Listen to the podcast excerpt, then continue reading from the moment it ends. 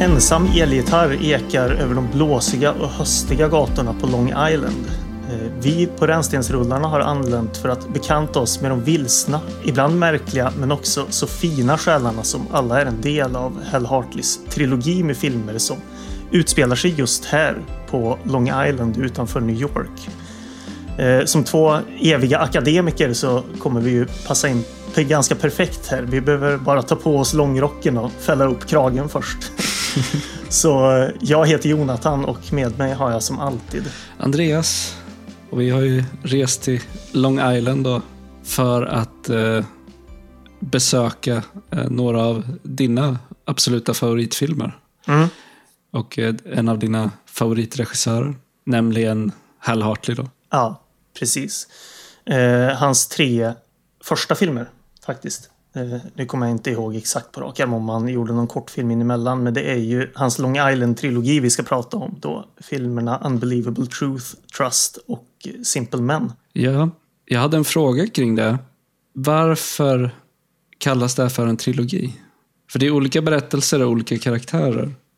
Sen stämningsmässigt kan man ju absolut argumentera för att de hör ihop med varandra. Men... Jag vet inte faktiskt. Eh, och jag vet inte om det var en, en tanke från första början. Att det skulle vara en trilogi på så sätt. Jag tror att, för nu, numera så, så eh, Hal Hartley själv eh, säljer ju sina filmer genom sitt eget filmbolag.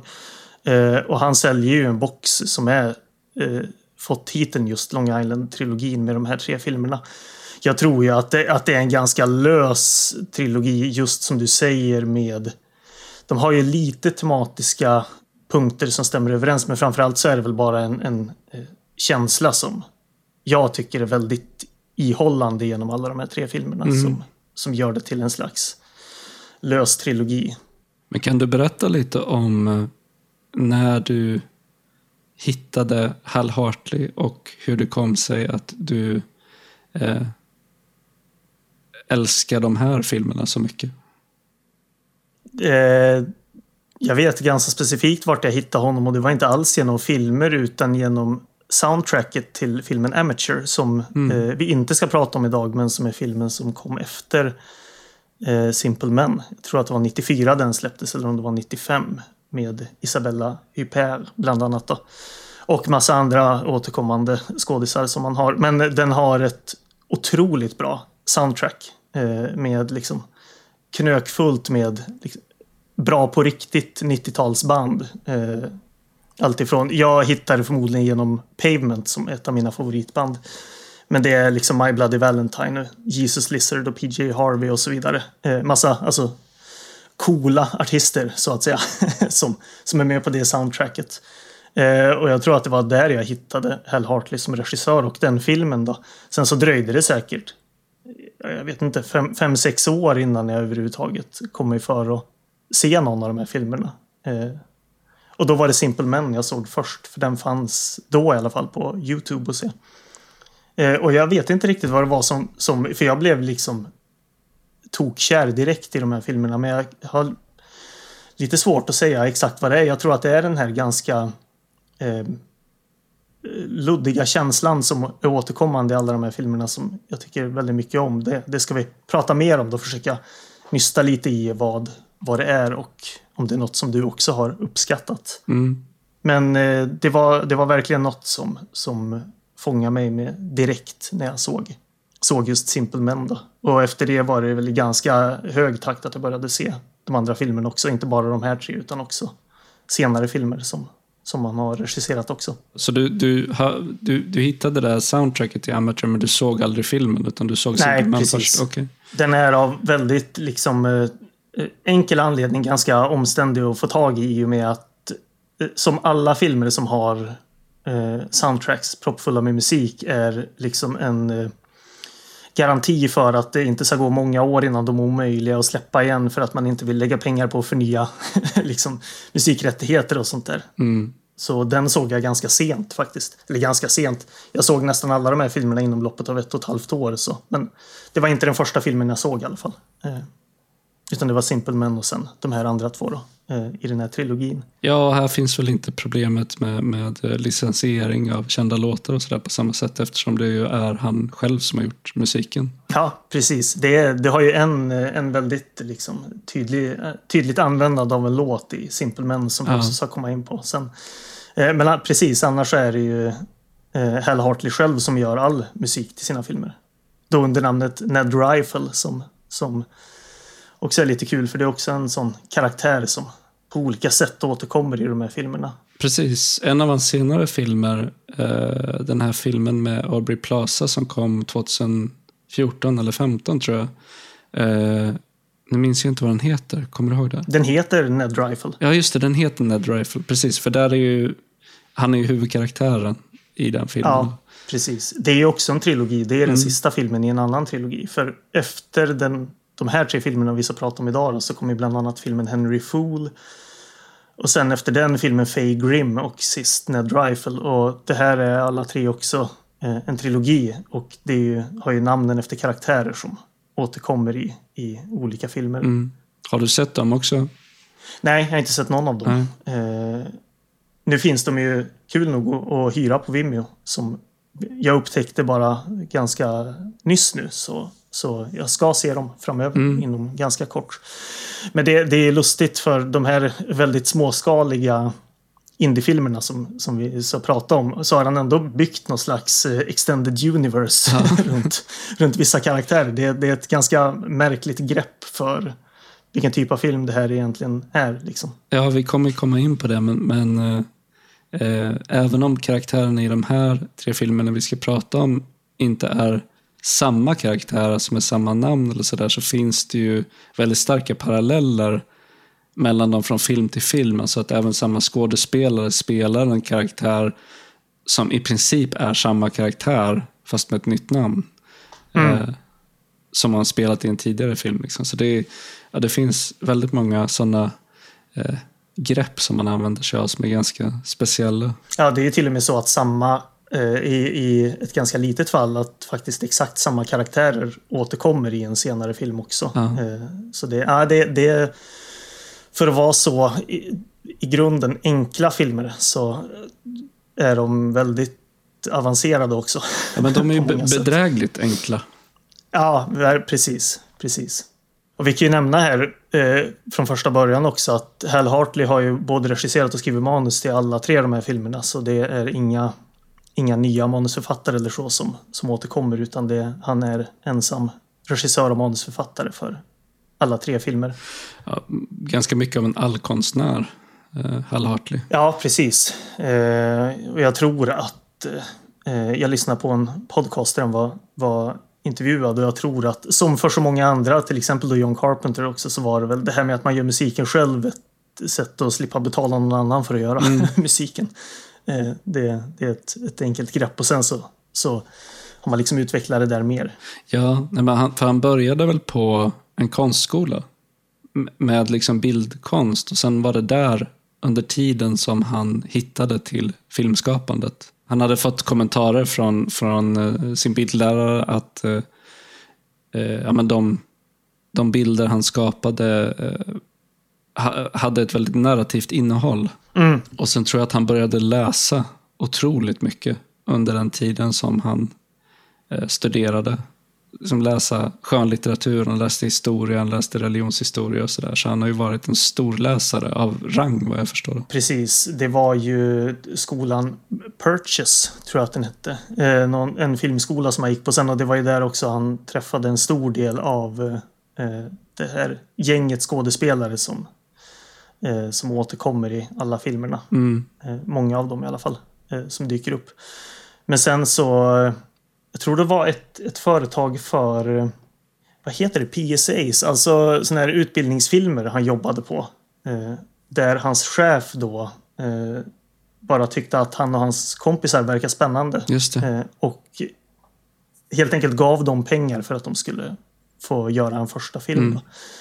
Eh, vilket var The Unbelievable Truth. Det roliga är att han sa det i den här intervjun jag lyssnade på också att, att eh, ett sätt han har för att få göra sina filmer har alltid varit att han har sagt en budget han vill ha och så säger de nej men det är för mycket pengar, kan du göra det här för 200 000? Ja, det är inga problem liksom. Och så har det i slutändan varit så att man tar de pengarna man får och så justerar man projektet därefter lite. Eh, och det har tydligen varit så i, i, flera fall när han har gjort film. Mm. Att det, det, just det här med att trolla med budget har, har aldrig varit några större problem Nej. för honom. Utan det, man löser det ändå lite.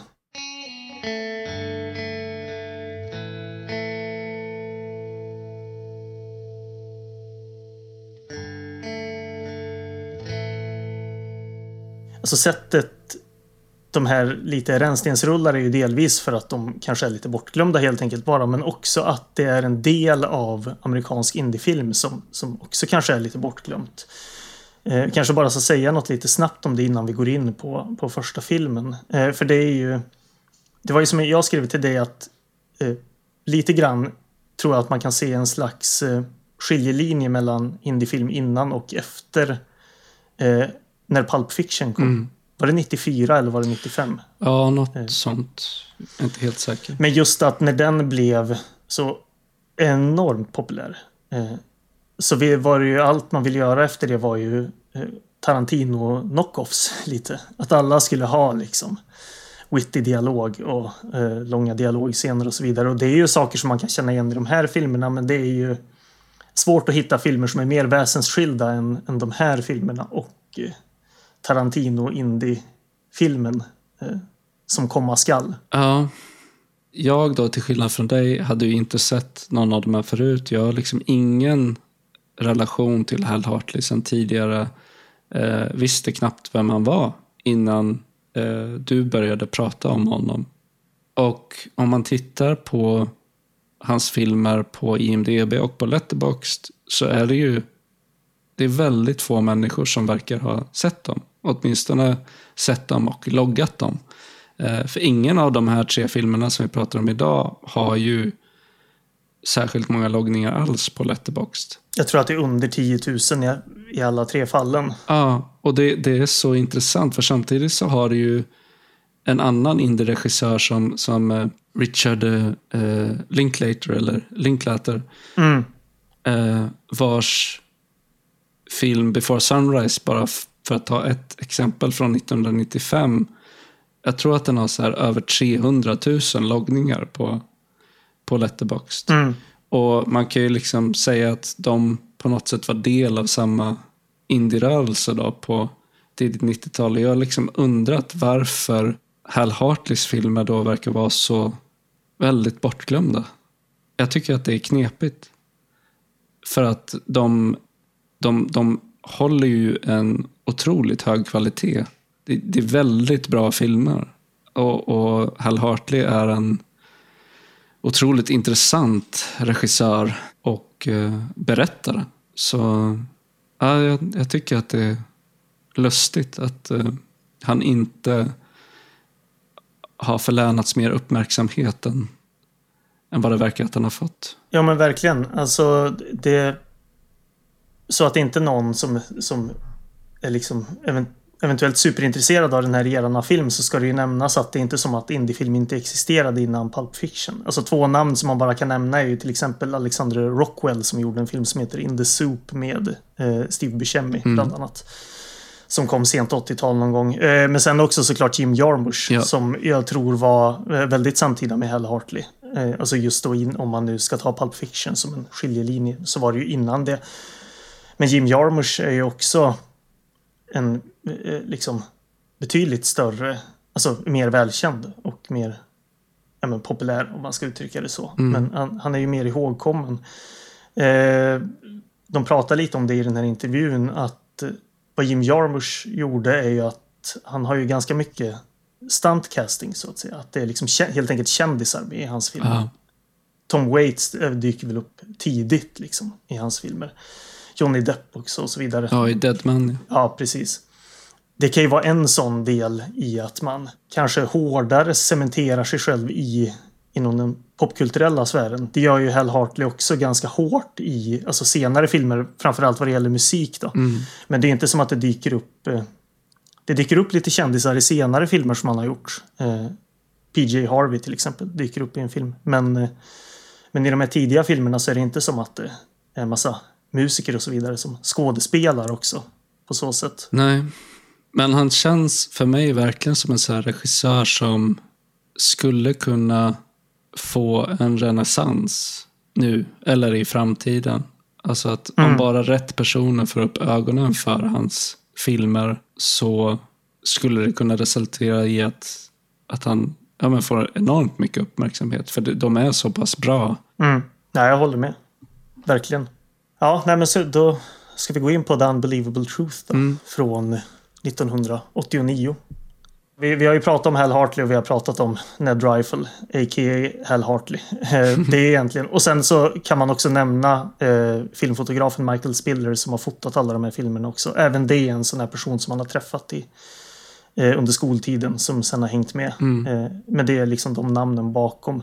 Men annars då, om vi sätter skådespelare så har vi då framförallt Adrienne Shelley som spelar Audrey i den här filmen som var en, kanske en av de i i efterhand mest kända eh, samarbetspartners med Hal Hartley. Ja. Eh, trots att de bara skådespelade i två filmer. Men de gör ju ett väldigt starkt intryck i de två filmerna kan man ju säga redan nu. Hon är alltså huvudrollsinnehavaren i både eh, The Unbelievable Truth och Trust som vi ska prata om direkt efter det. Precis, hon fick aldrig någon riktigt ordentlig karriär. Eh, lite märkligt nog. Eh, hon regisserade en film som heter Waitress som kom, tror det var ungefär 2006. Den är kanske mest känd för att den blev en väldigt populär Broadway-pjäs eh, efteråt. Men eh, det är också så dystert att hon eh, blev mördad under ett inbrott i hennes lägenhet. Någonstans där runt 2005-2006. Under ett väldigt liksom sorglig... Alltså det, var, det är en sån här knepig situation. Jag tror att det ganska länge var lite liksom otydligt vad egentligen var som hade hänt. Mm. Jag läste om det där för att eh, jag visste inte om det. Eh, Men så hade jag sett The Unbelievable Truth och började ja, men kolla, kolla lite närmare på de olika skådespelarna och sen läste det här och det var ju det är hemskt att Mm. eh, när hon blev rånmördad. Liksom. Ja, precis. Och jag har tänkt innan att alltså man måste ju, om vi ska prata om Adrian Shelley, så såklart måste man nämna det, men samtidigt så, jag vill inte stanna upp i det för länge, för det är så brutalt och liksom tragiskt. Och man vill liksom inte att det ska överskugga hennes eh, liksom fantastiska arbete i de här två filmerna som, Nej, nej, som vi ska verkligen, prata om. verkligen. Det enda jag kan nämna är att det finns en väldigt fin dokumentär på HBO som heter Adrienne som, som jag såg. Eh, som då är eh, regisserad av hennes partner. Ja. Eh, så den kan man, alltså vill man se, liksom, veta mer om henne och så, så är det en, en, en väldigt fin eh, tillbakablick på hennes karriär. Hal Hartley är med där och är intervjuad bland annat. Eh, så den kan man titta på. Men nej, jag håller med. Det, det är väldigt sorgligt men, men eh, man behöver inte stanna upp vid det mer utan liksom fokusera på henne som skådespelerska här då. Ja. Men sen har vi då eh, Robert Burke, eller Robert John Burke som han går under nu då. Men, men han eh, gick under namnet Robert Burke i både den här filmen och eh, Simple Men då. Han spelar ju då Josh. Eh, det är en av de skådespelarna som, som lite fick sin start med Hal Hartley och jag tror att det var en av dem han gick i skolan med då. Ah, okej. Eh, Och det är en sån här skådespelare som har haft en jättelång och liksom framgångsrik karriär men också väldigt spretig. För han har ju varit med i liksom Tombstone och, Mm. och allt ifrån det till senaste Black Panther var han också med i. Robocop 3. Eh, ja, precis. Det vad jag tror att många faktiskt känner igen honom ifrån är att han tog över rollen efter Peter Weller i de två Robocop-uppföljarna som kom. Så, så det, det är eventuellt så att vad, vad de allra flesta skulle känna igen honom som är just Han har ju, Robocop. han har ju hakan för det. ja, precis. Jag, jag har faktiskt inte sett eh, någon av Robocop-uppföljarna. Nej, inte jag heller. Jag har hört att de eh, tyvärr liksom lite tappar det som gjorde första Robocop så bra. Mm. Sen har vi ju Edie Falco Ja. eh, som dyker upp här. Och hon har vi ju pratat om förut i eh, Precis. vårt avsnitt eh, Dolt i strömmen. Avsnitt fyra. Eh, där hon spelar en av huvudrollerna i filmen Outside In. Men hon är ju framförallt då eh, känd från Sopranos och eh, jag tror att jag nämnde i det tidigare avsnittet också att jag eh, minns henne främst från eh, den här fängelseserien Oss som gick på 90-talet. Mm. En av mina gamla favoritserier. Men jättebra, jättebra skådis. Mm, verkligen. Det var kul att se henne eh, som ung. Ja, men precis. Jag tror att det här är eh, hennes, ja, det är hennes andra långfilm som hon är med i. Mm. Eh, så hon, eh, även hon då, som sagt, var, var en del av, alltså gick på samma college som Hell Hartley. Hon har en härlig attityd. Ja, ja verkligen. Det finns någonting lite så här kaxigt över henne som, mm. som är lätt att tycka om. Ja, tuggummi, tuggande och kaxigt liksom. Framförallt i de här två ja. filmerna som hon är med i här. Verkligen. Och sen har vi lite mindre skådisar som, man, som jag ändå tycker är kul att nämna. Vi har ju Mark Chandler Bailey eh, och Chris. Ja, vi kan ta honom först. Han spelar ju då mekanikern mm. Mike här. Tillika gitarrist, elgitarrist. ja, precis. det är så härligt det är med liksom. Står ensam ute bland pumparna och spelar elgitarr. eh, han, spel, han spelar en av mekanikerna och sen så har vi ju... Eh, han har inte skådespelat det mycket alls. Eh, lite andra indiefilmer. Det är han och eh, Chris Cook då som spelar Vic Hugo som då både far till, eh, till Audrey i den här filmen och, men också mekaniker då. De är ju två karaktärer som jag tror att det är samma karaktärer som dyker upp i Simple Men sen. För de är ju mekaniker där också ja. så det är som den, den ihållande liksom, tråden mellan de här på två filmerna är de här. Liksom. Och han spelar elgitarr-solo i båda filmerna. ja, precis. De är grubblande mekanikerna. det är så, jag, jag älskade de scenerna. Eh, framför allt hur den är gjord i Simple Men. Därför att det, det blir som ett avbrott i handlingen. Och sen liksom ligger en stillbild på eh, bensinmacken där de arbetar. Och så kommer Mark Chandler Bailey ut genom dörren. Och sen så här, står han där och ser sig omkring. Och sen får han syn på sin elgitarr till vänster om sig. Mm. Och så tittar på den lite eftertänksamt. Här, och sen långsamt går och plockar upp den. Och sen går han och ställer sig bland pumparna och drar av ett riktigt gitarrsolo. ja. Det är en ganska lång scen. Och det känns ja. nästan som att som en kortfilm i sig själv. Att det hade kunnat vara en väldigt bra kortfilm. Eh, helt utan kontext. Liksom. Ja, alltså en i, i vi ska komma dit när vi pratar om Simple Men, en av de bästa scenerna i alla de här tre filmerna utspelar sig på den här macken mm. i, i Simple Men, men det ska vi ja, komma fram till. För se om det. ja. Uh, ja, men så, så, det är de två. Sen har vi sist då Gary Sauer som Emmet som typ har varit med i tre filmer, men han spelar ju då Audreys pojkvän här och han, det är också en sån skådespelare som dyker upp i nästan exakt samma roll sen i Trust. Ja. Med liksom odräglig eh, unge med bakåt slickat hår. Ja. som, han är också väldigt rolig. Ja, också en sån som man hade velat se, som man hade velat, velat se i mer filmer. Ja. Men som har varit med i tre filmer tror jag och sen har inte gjort något mer.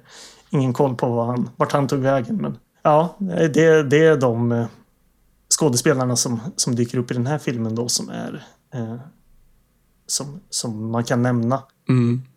Ja, men då kanske vi ska läsa en eh, baksidestext. Ja, det, vi kan ju nämna det att de här filmerna, en är släppt på svensk VHS och det är Trust. En av filmerna har en svensk titel men är inte släppt eh, på, i, på liksom fysiskt format i Sverige så vitt jag har sett. Nej. Så det är lite otydligt i vilken mån de här faktiskt har släppts eh, eller varit tillgängliga. Men jag tror att alla i alla fall har Nej, två av dem har gått på bio mm. i Sverige i alla fall. De, de är lite knepiga att hitta faktiskt. Men ja. eh, om man bara upptäcker att eh, Hal Hartley, eftersom han äger rättigheterna till sina filmer, så finns de att hyra på Vimeo. Eh, Mm. Och när man upptäcker det så blir det väldigt lätt att få tag på dem istället i väldigt bra kvalitet. Sen finns både um, The Unbelievable Truth och Simple Men på YouTube fortfarande. Mm. Men jag är ju sådär att jag, jag vill gärna se film med subs för jag kan ha väldigt svårt att höra vad folk säger. Även om filmen är på svenska. Ja, men jag är likadan. Jag tittar alltid med, med subtitles. Ja. Men, nej, men det är kul det där, för det, det var något han också sa i den här eh, intervjun. Att till typ 95 procent så, så har han alla rättigheter till sina egna filmer Mm. och jobbar väldigt aktivt med, med sitt bolag då, Possible Films, att släppa väldigt fina utgåvor och väldigt genomarbetade utgåvor av sina egna filmer. Och då just det här att ha eh, alltså att det ska finnas subtitles på väldigt många språk till de här filmerna är väldigt viktigt för honom. Och så vidare. Så, så vet man bara vart man ska leta då så är de helt lagligt väldigt enkelt tillgängliga, kul nog. Mm. Trust fanns länge på Triart. Eh, alltså den svenska Triart-sidan och hyra. Det var där jag såg den första gången men den är borta sedan länge nu så det är väl något, något slags copyright-grejs som de har eh, tappat. Men i alla fall då, The Unbelievable Truth. Då står det så här på DVDn jag har. When a beautiful college-bound girl, disturbingly preoccupied with the threat of nuclear destruction, falls in love with a handsome ex-con who is rumored to have murdered the father of his high school sweetheart many years ago. The pair embark on a tempestuous affair. Men det, var en, det är en väldigt kort baksides text. Mm. Var den slut där alltså? Ehm, ja, den är slut Okej. där. Sen efter det så är det, är det liksom... Ja, det här var att de skriver några rader om filmen i sig. Mm. Men alltså utifrån Hell Hartley. Men i alla de här filmerna så är det lite liksom svårt märker man för folk som skriver om dem och pinpointa vad de egentligen handlar om och vad det är för filmer. Eh, men innan det då, eh, vi kan ju också då ta avstamp i eh, Bonniers tv och filmguide innan vi går in på filmen i sig. Mm. Vad säger experterna? ja, precis. Tre, eh, även fast jag kanske inte håller med dem så är det härligt nog, eh, återigen som när vi läste sist, tre ganska rimliga recensioner. Det är inga, inga påhopp som vi fick se med Fantomen och så vidare. eh, de skriver så här då. Lång mystisk man återvänder till sin hemstad efter en tid i fängelse och väcker olika reaktioner hos ortsborna. Denna svarta komedi av en oberoende producent, inspelad på 11 dagar, faller kanske inte alla på läppen, men den har sina poänger och ett inslag av excentricitet som nog tilltalar en del åskådare. Burke ersatte sedan Peter Weller som Robocop. Ej visad på bio i Sverige, står det. Två stjärnor tyckte jag var väldigt lågt. Två? Eh, Oj. Jaha. Två av fem. Nej, men ändå som poängen de lyfter där, eh, just det här att eh, det kräver att man ska vara liksom med på det här för att man det var som jag har sagt i tidigare avsnitt innan du hade sett de här att jag kunde se ett scenario att, att om du bara inte var liksom eh, med på den här våglängden så kan det liksom falla pladask. Men är man med på det här så, så finns det väldigt mycket och eh, väldigt mycket liksom kvalitet att, att hämta här. Jag tror att det som avgör om man köper det eller inte är om man ser humorn i det. Mm. För att om du inte tycker att de här filmerna är roliga så tror jag inte att du kommer tycka om de, de dramatiska bitarna av dem heller. Alltså du måste köpa det rent konceptuellt och vara på samma våglinje när det kommer till eh, ja, men humor. Mm. Det är jättebra att du tar upp det för då kan vi redan nu ta en av de poängerna som gäller alla tre filmer. Men i och med att det också gäller just den här så, så kan vi faktiskt ta det. Det är att jag har väl en liten liksom aversion till att nästan alla vill eh, få det här att framstå som att det ska vara tre komedier. Eh, och det, det är liksom inte alls det jag får ut av de här filmerna. Jag tycker ju snarare att det är liksom i alla tre fallen ganska dystra och melankoliska historier som också råkar vara rätt roliga till och från. Liksom. Eh, Men jag tror att i brist på annat så verkar man för det allra mesta vilja få det till att nej, men det här är liksom komedier. Vilket jag inte riktigt håller med om. Med det sagt så var det de här gångerna jag såg om dem att jag verkligen liksom insåg att de i många fall är liksom roligare än jag minns dem. Framförallt Simple Men. Eh, De är jätteroliga. Eh, Men det är en speciell sorts humor. Eh, Mm. Ganska liknande den humor som David Lynch använder sig av i många av sina filmer och kanske framför allt i, i liksom den gamla Twin Peaks-serien. Mm. Första och andra säsongen. Att eh, du, du tar någonting väldigt vardagligt och sätter en liksom absurd skruv på det genom men, att karaktärer eh, beter sig eh, märkligt på ett eller annat sätt. Eller eh, bara så här lustiga replikskiften och så vidare. Eh, mm. Och om du inte tycker att det är kul så tror jag inte att du kommer tycka om filmerna eh, i övrigt heller. Men jag tycker att det här är väldigt roligt. Alltså jag, jag tycker att, och jag, men jag håller med dig också om att jag skulle inte kalla det för tre komedier. Nej. Utan det är tre, ja, men om man måste genrebestämma då, tre existentiella draman. Mm. Mm. eh, relationsdraman. Eh, som också är väldigt roliga. Men de är ju ganska svåra att genrebestämma. Ja, och det hör väl just till saken att eh, det också är ganska svårt att veta vad man ska göra av dem kanske. Liksom, är det, är det komedier, är det dramafilmer, är det... Alltså det, nu tog du upp Twin Peaks också så vi kan bara ta det jättesnabbt. För det är också en beröringspunkt som väldigt många lyfter. Att det här är som, framförallt Simple Men, men i alla de här tre filmerna att det är liksom, ja men det är som Twin Peaks utan eh, de otäcka bitarna lite. Och jag kan förstå varför man ser det så, men samtidigt så vet jag inte riktigt om jag håller med. För det är något väldigt, det är något helt väsensskilt mellan de två som jag har lite svårt att för alltså det, direkt något utspelar sig i en liten småstad med knepiga karaktärer så är det direkt Twin Peaks man söker sig till. Och det kan jag förstå. Eh, men det, det, finns något väsensskilt i de här filmerna gentemot Twin Peaks. Mm. Likheterna som jag ser i det. För jag, jag skulle säga att det finns väldigt tydliga beröringspunkter mellan mm. de här filmerna och uh, David Lynch. Och att likheterna består mycket i det här med att du tar influenser från gamla, gamla, gammal melodram och uh, skriver karaktärer och berättelser som på pappret är ganska ja, men, melodramatiska och, och, inte så bra kanske. Åtminstone inte i, i alltså, det man har influerats av är inte mm.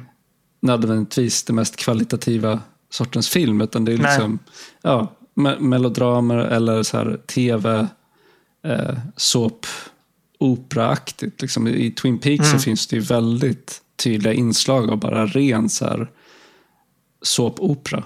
Mm. Eh, och det gör det här också i Hal Hartleys filmer. Och det går också hand i hand med det här med att karaktärerna skådespelar på ett så stolpigt sätt. Att, mm. Mm. Eh, för alla karaktärer spelar ju som sina roller som att de läste direkt från manuspappret. Mm. Ja, precis. Och det är en så ganska konstig takthållning i replikskiften. Och väldigt ofta så är det att man som tittare får känslan av att karaktären inte ens lyssnar på varandra när de pratar med varandra. Om man hör, om man hör Hal Hartley själv eh, diskutera de här aspekterna av sina filmer så förstår man ju att det, det är ytterst medvetet. Liksom. Ja, ja, alltså det, det, märker man ju som allra mest i eh, det är väl i alla tre filmerna att det finns en scen där eh, två karaktärer liksom upprepar ett replikskifte tre eller fyra gånger på raken. för att verkligen visa på att det här är är eh, liksom, som du säger, de, de lyssnar inte på varandra överhuvudtaget. de hamnar i sådana här konversationsloopar. Uh... Ja, precis. Det är som att man bara har, att det är, en skiva som har hakat ja. upp sig. Och till slut så lyckas de ta sig ur det. Och jag tror att det, att det finns exempel på det i alla tre filmer. Ja, det tydligaste exemplet som jag kommer ihåg är eh, scenen mellan de, ja, men två av de manliga huvudkaraktärerna i Simple Men. Mm Som ja, är otroligt rolig scen. Men nej, så det, det är ett väldigt stiliserat eh, filmskapande, väldigt stiliserat berättande. Eh, mm. Som man måste vara med på tåget för att kunna uppskatta det. Och, ja. Ja, nej, men jag, jag gillar ju det. Alltså, jag hörde Hal Hartley säga i någon intervju som jag lyssnade på att han inte har så mycket till övers för naturalistiskt skådespeleri. Nej. Utan att han vill att hans skådespelare ska spela sina karaktärer så att man eh, man ser att det är fake. Att det är liksom Mm. skådespel. Men det jag tycker är så intressant med det är att det ändå att det ens funkar faktiskt. ja, ja, precis. Du, du liksom, ja, men det är som en film som, om du tar så här ett, ett broderi, liksom. Mm. Och på framsidan ser du det här perfekta mönstret. Och sen på baksidan så ser du alla sömmar och att hur, hur allting Ja, sitter precis. ihop, hur det är skapat. Så här. Och det här är, det är som att Hal Hartley skapar film på det sättet av att ja, men här är broderiet, men han vill också visa upp baksidan på samma gång också. Mm, ja, men precis. Och nej, men det är nog precis som du säger att eh, det är väldigt lätt att man eh, om man bara inte köper det tippar över och tycker att det är konstruerat.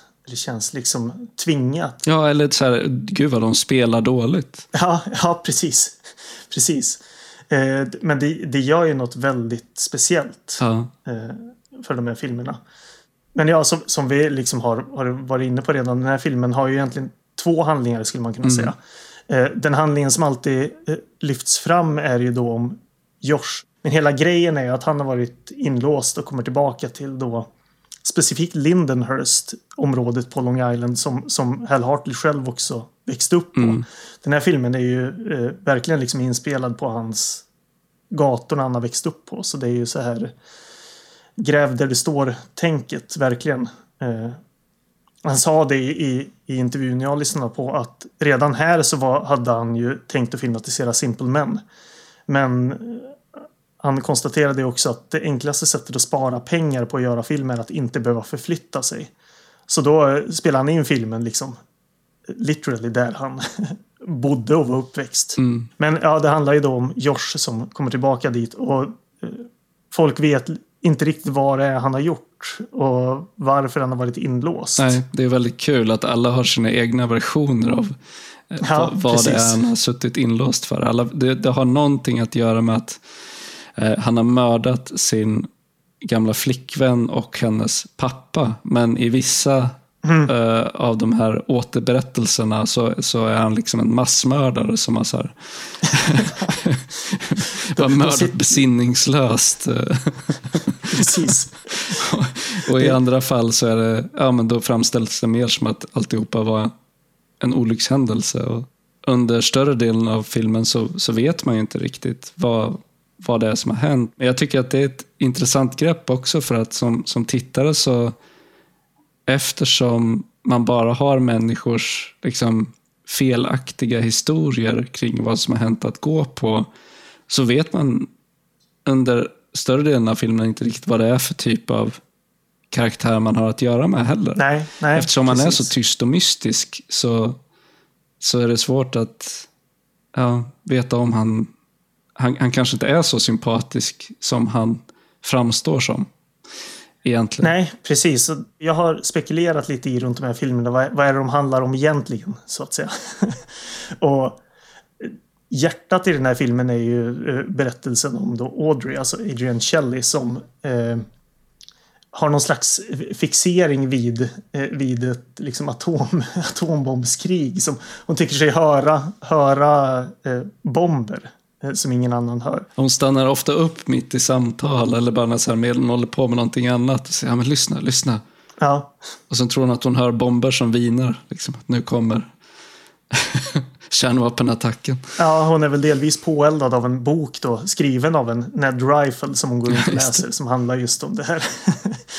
Men berättelsen handlar ju om henne och, skulle jag säga, framförallt liksom hennes vilja och försök att både bryta sig loss från den här småstaden hon är uppvuxen i, men också eh, männen runt henne som Ja. i olika grad verkligen eh, liksom försöker vad ska man säga, eh, hålla fast henne där och jag kontrollerar henne och i vissa fall liksom ganska obehagligt utnyttja henne Ja. eh, för sin egen vinning.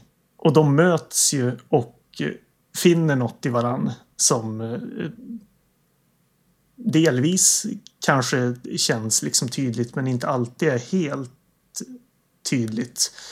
Men det känns ju som att den här mannen som liksom inte har någon, han har en historia men inte han är som rotlös på ett sätt som hon kanske känner igen sig i. Mm. För alltså handlingen däremellan är ju att den är uppdelad lite i tre eh, kapitel. Det startar ju med att hon inte vill liksom eh, gå i college. Hennes far tycker det är otroligt viktigt. Eh, på något vis så, så hon träffar ju den här eh, liksom sliskige fotografen som övertalar hennes far att nej, hon kommer vara en, en hon, kommer bli en kanonbra modell. Ja. Och det, det redan där liksom är så väldigt, eh, väldigt obehagligt i sättet hennes far ser liksom att fan här kan man göra stålar på att hon ska eh, följa med och liksom bli, bli göra modelljobb i, i storstan. Mm. Liksom. Han är väldigt pengakåt, hennes pappa. Ja, Och sen eh, tidigt i filmen så introduceras man ju också för den här återkommande eh, saken som är att hon och hennes pappa hela tiden förhandlar om hennes framtid. mm, Så de, de har ständigt nya affärsuppgörelser om hennes framtid. Och hon säger så här att ja, men, om, om jag får det här och det här så kommer jag gå på college. Liksom. mm, Men det är hela tiden som att mållinjen förflyttas. Eh, eller det avtal som de sluter eh, tidigt i filmen förändras ganska snart och sen fortsätter att bara förändras under filmens gång. mm. Och de... Alltså Josh får ju jobb på eh, då, den här macken, Mm. eller bilmekaniker eh, stället som, som hennes far jobbar på.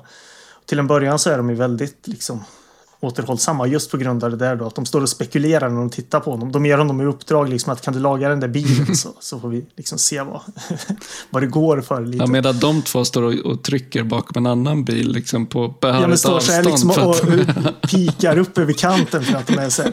Man, man förstår aldrig riktigt om, om, om folk, för det är som att de är likadelar bara tycker att ja, men, han är ju schysst. Liksom. Ja. Samtidigt som att de verkar vara rädda, rädda för för honom. honom. lite. Ja. Jo, men det har väl också att göra med att ingen riktigt vet vad fasen det var som, eller ingen kommer ihåg rättare sagt vad det var som Nej, egentligen nej hände. precis.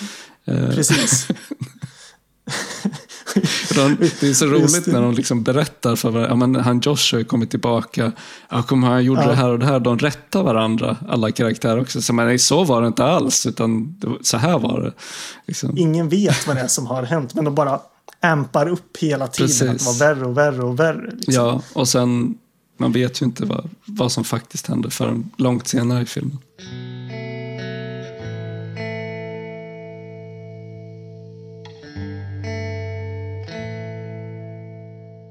Man gör ju lite otydliga tidshopp här. Att till en början då så, så blir hon övertalad av den här sliske fotografen. Sen så får hon ju någon slags lyckad modellkarriär inne i.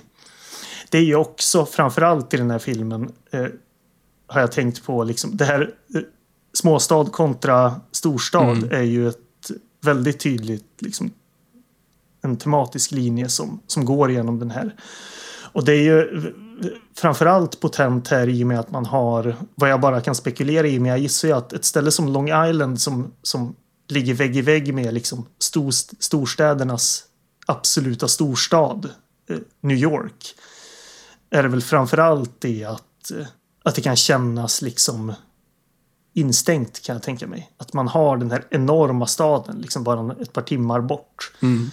Eh, och så har man det samhället som, som framställs så otroligt smått och litet eh, i de här karaktärerna och framförallt den här ryktespridningen som går eh, och så vidare.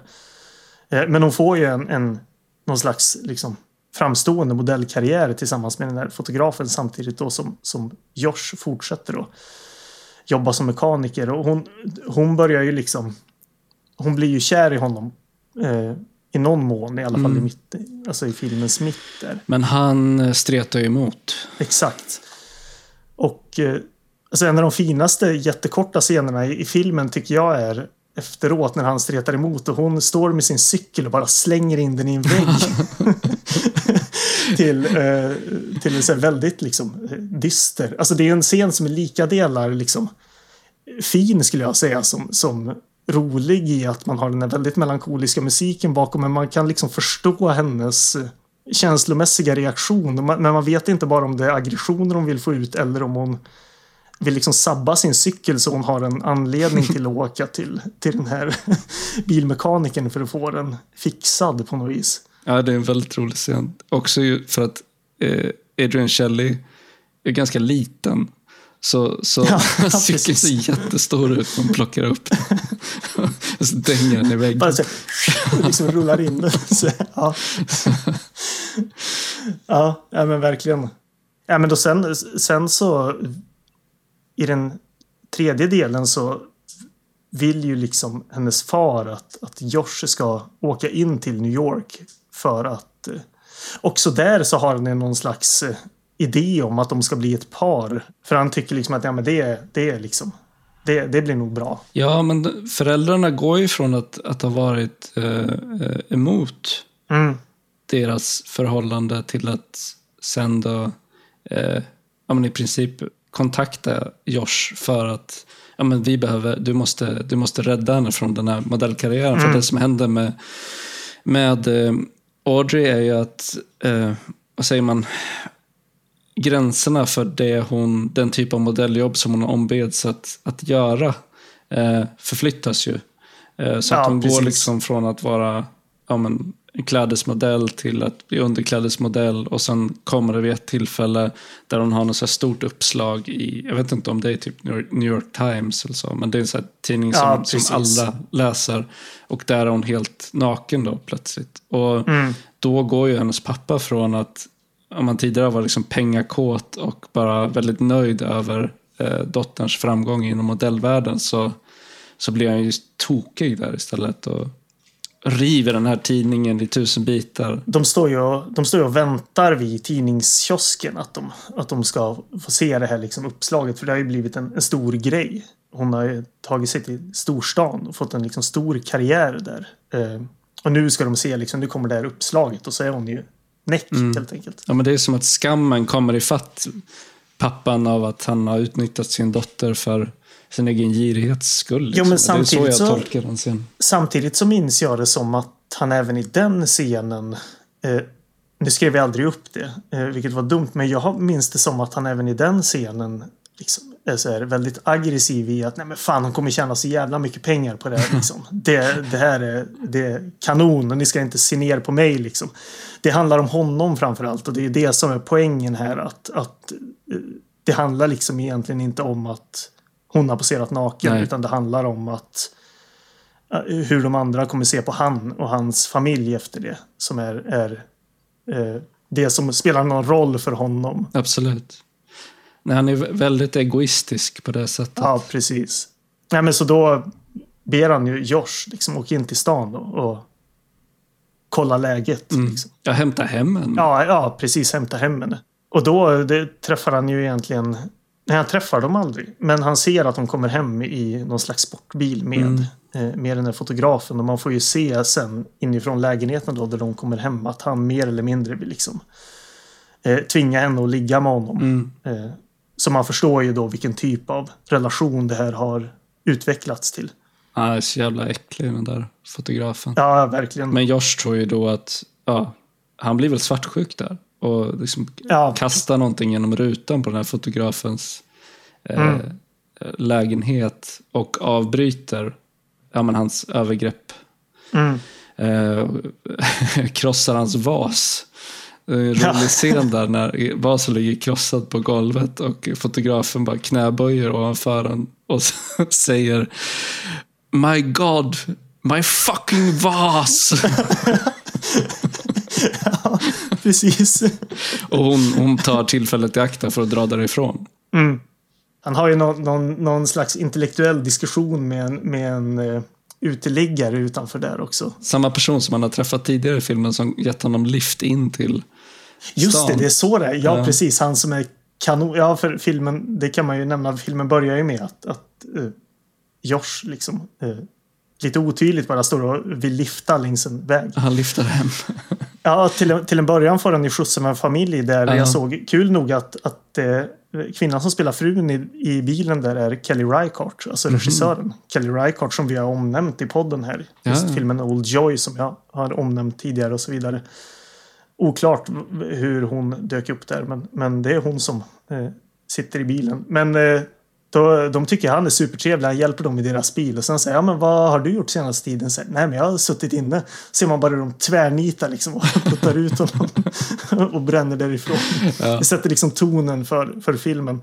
Men precis, och sen får han ju skjuts av den här alkisen som mm. verkligen så här, kör som en orm på ja. vägen. Liksom. Och sen pajar hans bil och eh, de står och ska fixa den och han kan ingenting om bilar. Och så frågar han liksom, vad, vad jobbar du med? Och så säger Josh att äh, men jag är mekaniker. Mm. Eh, och, och så säger han att eh, ja, men då kan ju du köra sista biten. Och Josh säger, nej men jag har inget körkort. nej, precis. Är du en mekaniker utan körkort? Ja. Precis, det där är en sån grej som återkommer. Och sen även också att folk undrar sig, men eh, så vad gör du? Är du präst? Liksom, ja, svartklädd, så Han går runt i så här svart kostym och typ någon så svart polokrage. Precis. Men han you look like inte, a priest. Nej, han dricker Precis. inte. Och det tycker också alla är otroligt märkligt. Liksom. Det, är nästan, det är nästan märkligare än att han högst eventuellt är liksom en massmördare. är att han inte super och att ja. han inte har körkort. Ja. Nej men och sen så det, det, det är ju också ett, en, eh, en sidostory här med den här eh, andra. Vad heter det på svenska? De är... Eh, servitriser. Servitris, precis. De spekulerar ju liksom vad, vad det är som har hänt och det är ju också då eh, Pearl som sen också då berättar eh, vad som troligen är liksom eh, sanningen, vad som har hänt då. Mm de möts ju alla, både, både eh, Emmet, Audrey, Josh och Pearl hemma hos henne i en scen på slutet. Mm. De liksom går om varandra. Väldigt roligt för att man, när alla liksom samlas då på, på, på samma ställe mm. så väntar man sig att det ska liksom eh, eskalera till ja, bli en någon slags klimax, ja, sammandrabbning. Och sen händer aldrig det, utan det är bara Nej. så här, alla bara droppar av lite allt eftersom och går, går ur filmen. så till slut så är det bara, så är det bara Audrey och Josh kvar. Uh, så, så det blir som ett antiklimax uh, alltihopa.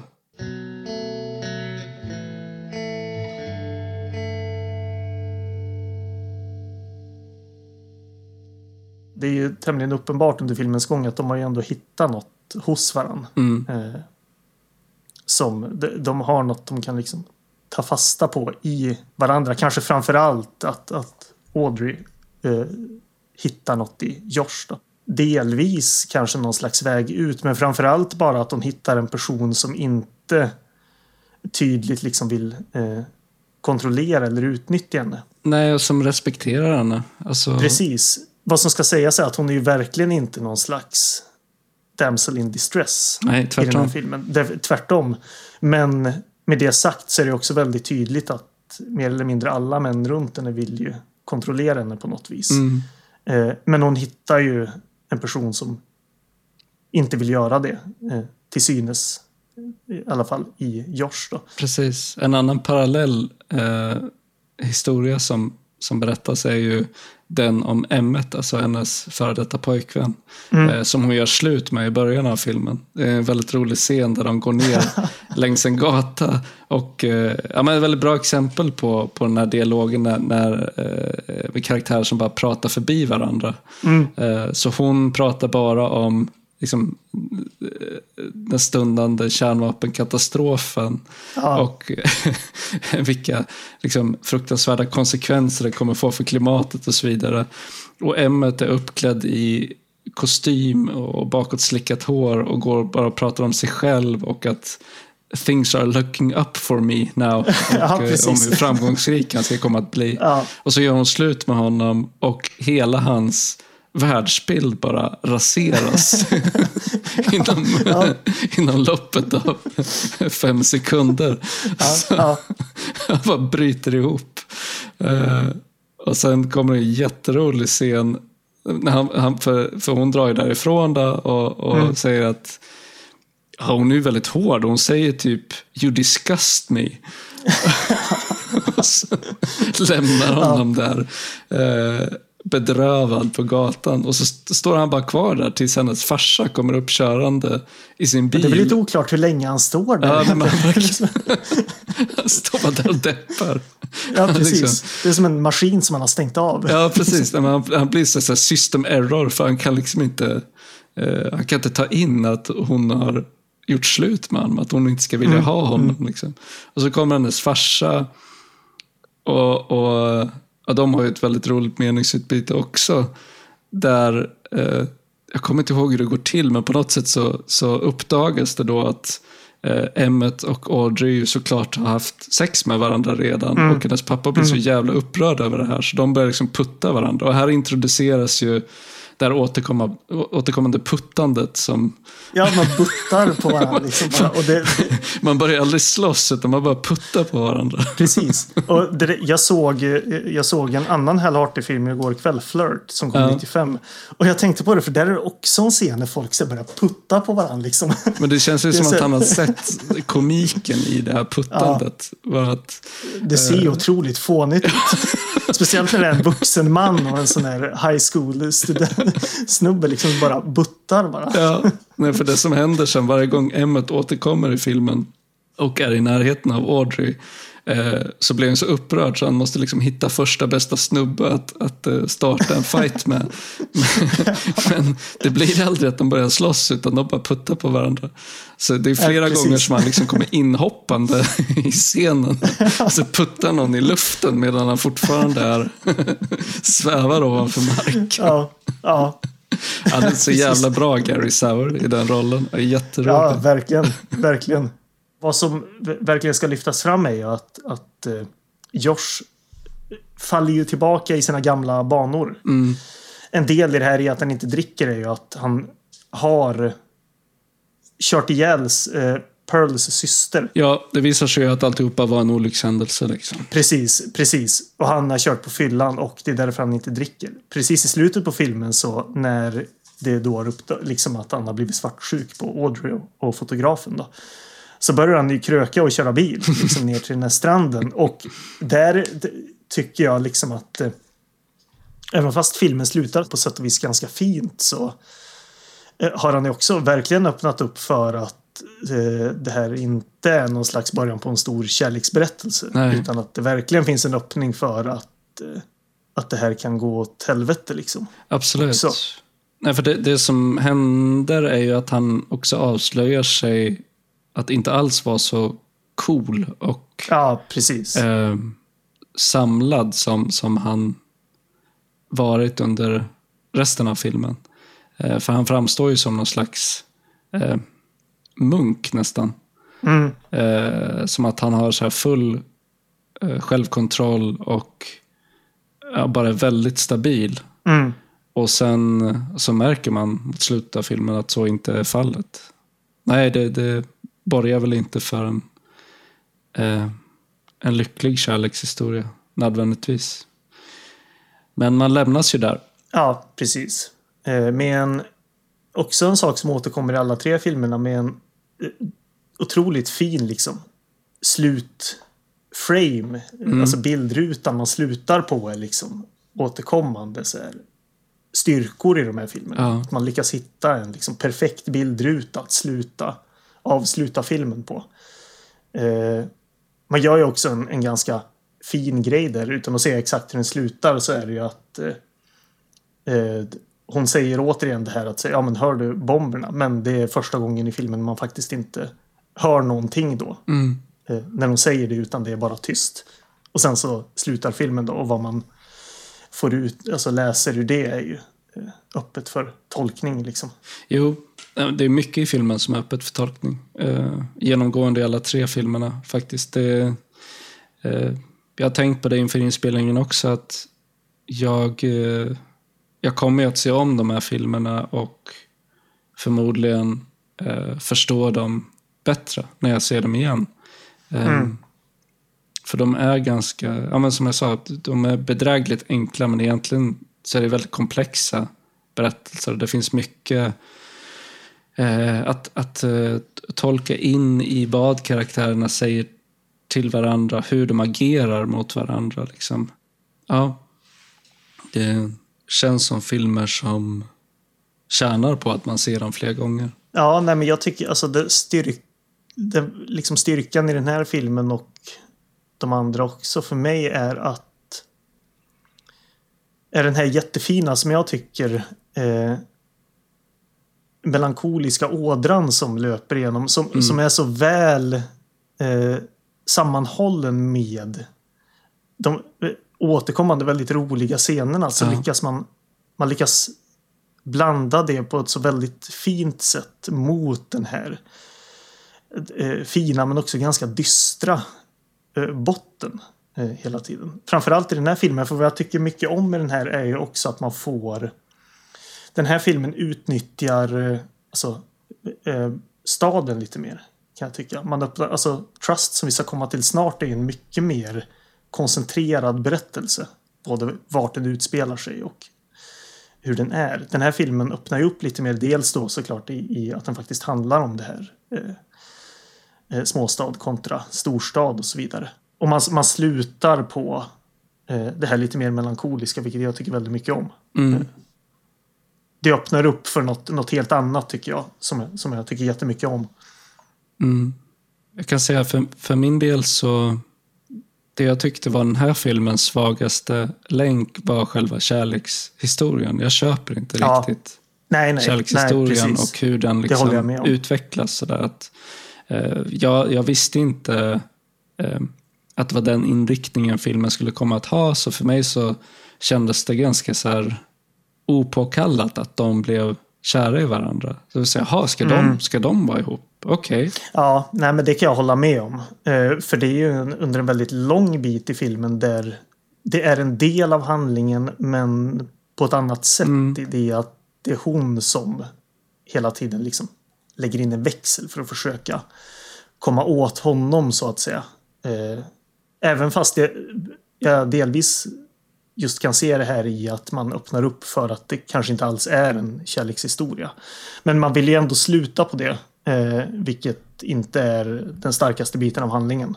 Det var en grej till som jag kom på, en sån liten detalj.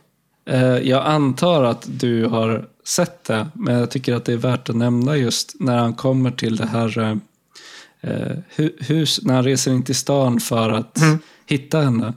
Så, så på dörren, vid dörrtelefonen där, så står det att en av de som bor i huset är Harold Budd.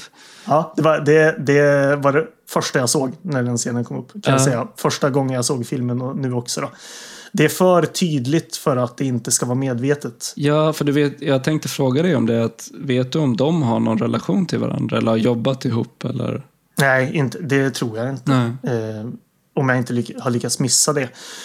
Nej, alltså det, de enda filmerna som, eh, som Harold Budd har gjort alltså, musik till är att han tillsammans med Robin Guthrie då väldigt nära jobbade tillsammans med Greg Araki, okay. eh, regissören.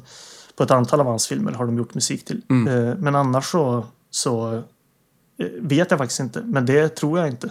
Det är möjligt att de har stött på och liksom rört sig i samma kretsar av andra anledningar.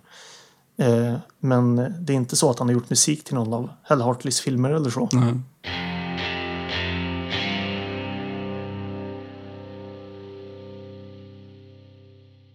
Ja, nej men då kan vi väl gå vidare till Trust från 1990. Eh, där vi ju faktiskt har en svensk VOS från tri Triangelfilm som jag förmodar sen blev Triart. Mm. För det är ju Triart som har släppt den här på DVD sen också. Så jag misstänker att det är samma samma bolag. Här i Trust så har vi då Adrienne Kjell igen fast här spelar hon då Maria. Eh, vi har också Edie Falco igen som spelar Peg, eh, syster till Maria. Eh, sen så hon som spelar mamma till Maria heter Rebecca Nelson som inte har gjort någonting alls mer eller mindre lite, lite tv och så vidare. Eh, men sen har vi då två biroller i den här filmen som, som sen kommer återkomma som huvudroller. Det är ju först då Karen Sillas som spelar Nurse Payne såg jag att hon hette. Mm. Det tänkte jag inte på i filmen men det är, det är kul att hon heter Nurse Payne. Eh, och hon har ju en lite mindre roll i den här filmen då som vi, vi kan prata om sen. Men hon spelar ju en huvudroll i Simple Men. Och detsamma gäller Bill Sage som är mannen som börjar slåss i väntrummet på den här abortkliniken. Mm. är ju också en, en huvudroll i, i Simple Men. Eh, men den enda enda skådespelaren som, som har en stor roll i den här filmen är ju då Martin Donovan som spelar Matthew. Eh, som också är en ständigt återkommande eh, person bland Hell Hartleys filmer. Eh, precis som, som Robert John Burke så har han också haft en ganska eh, lång och framgångsrik karriär men även den är jätte, jättespretig. Han var med i Tenet till exempel och Ant-Man men har också varit med i Malcolm X. Men även där, precis som du sa, en sån skådespelare som jag inte kan minnas att jag sett i någonting annat. Jag kopplar honom bara till de här filmerna. Han har ju varit med i hur många filmer och tv-serier som helst men han var inte ett bekant ansikte för mig innan jag såg de här filmerna. Nej, precis. Nej, men det är, är eh, det ny, riktigt nya ansiktet då som har tillkommit. Mm. Men utöver det så är det samma, samma inblandade personer här ja, också. även Gary Sauer då som eh, här spelar återigen då eh, Adrian Shellys eh, pojkvän. Eh, fast han är, bara, han är med en kort, kort scen i början av filmen. Här, här är ja, en ja. amerikansk fotbollsspelare som är en riktig jävla douche alltså. ja, verkligen. Ja, vi, vi, vi, kan komma till den scenen sen. Men precis, det, det, är väldigt kul att han återvänder till nästan samma, som en, eh, en liksom, ja men samma roll mm. nästan. Eh, kan man säga. Det är väldigt härligt att han dyker upp igen. Ja, men det, det är som att um, Hal Hartley har sina liksom uh, ar arketyper som han gärna återanvänder mm. och, och, då gärna återanvänder samma skådespelare för att, för att uh, spela samma karaktär med ett nytt namn. Precis. Um, men här ska jag läsa då från en, uh, en svensk VOS. Och det här är väldigt lågupplöst nu så, så få överseende med om jag stakar mig lite. Men då står det så här.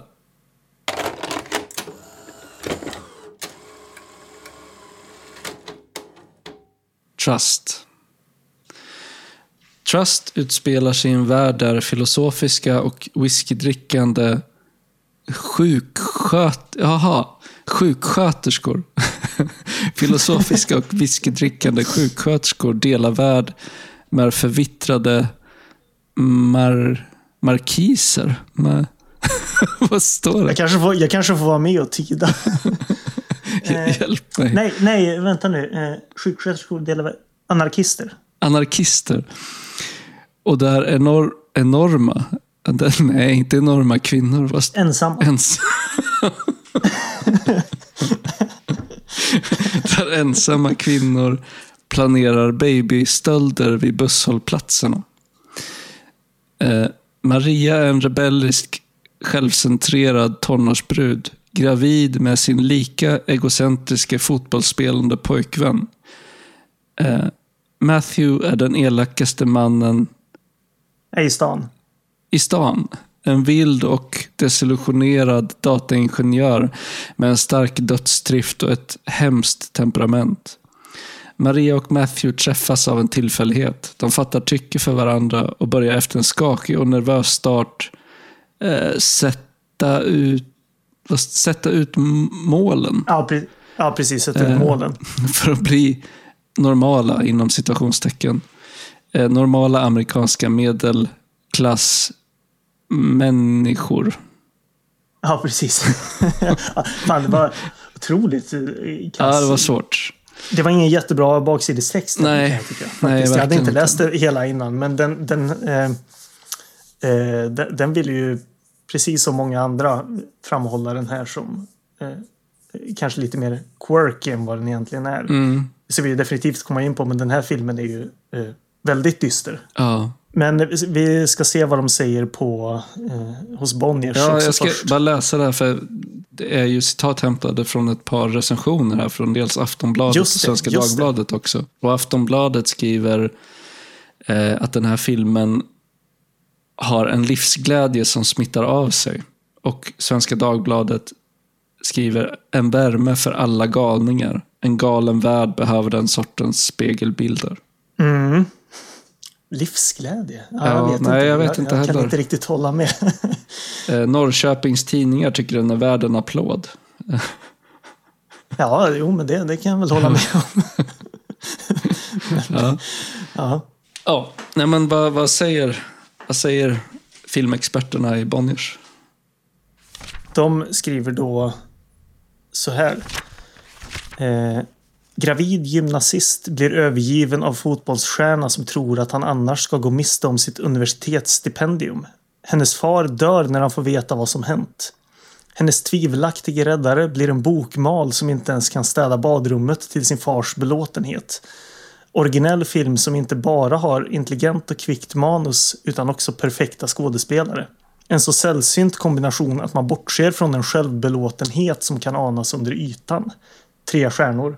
Självbelåtenheten då antar jag att man eh, finner i eh, hur dialogen är skriven och så vidare. Att det känns som att den är väldigt eh, utstuderad och stiliserad. Alltså, som att Hal Hartley då skulle vara alldeles för nöjd med sin, sin egen skapelse. Men jag håller inte med om det. Men jag antar att det, det är på grund av de sakerna som man ser den som lite självgod.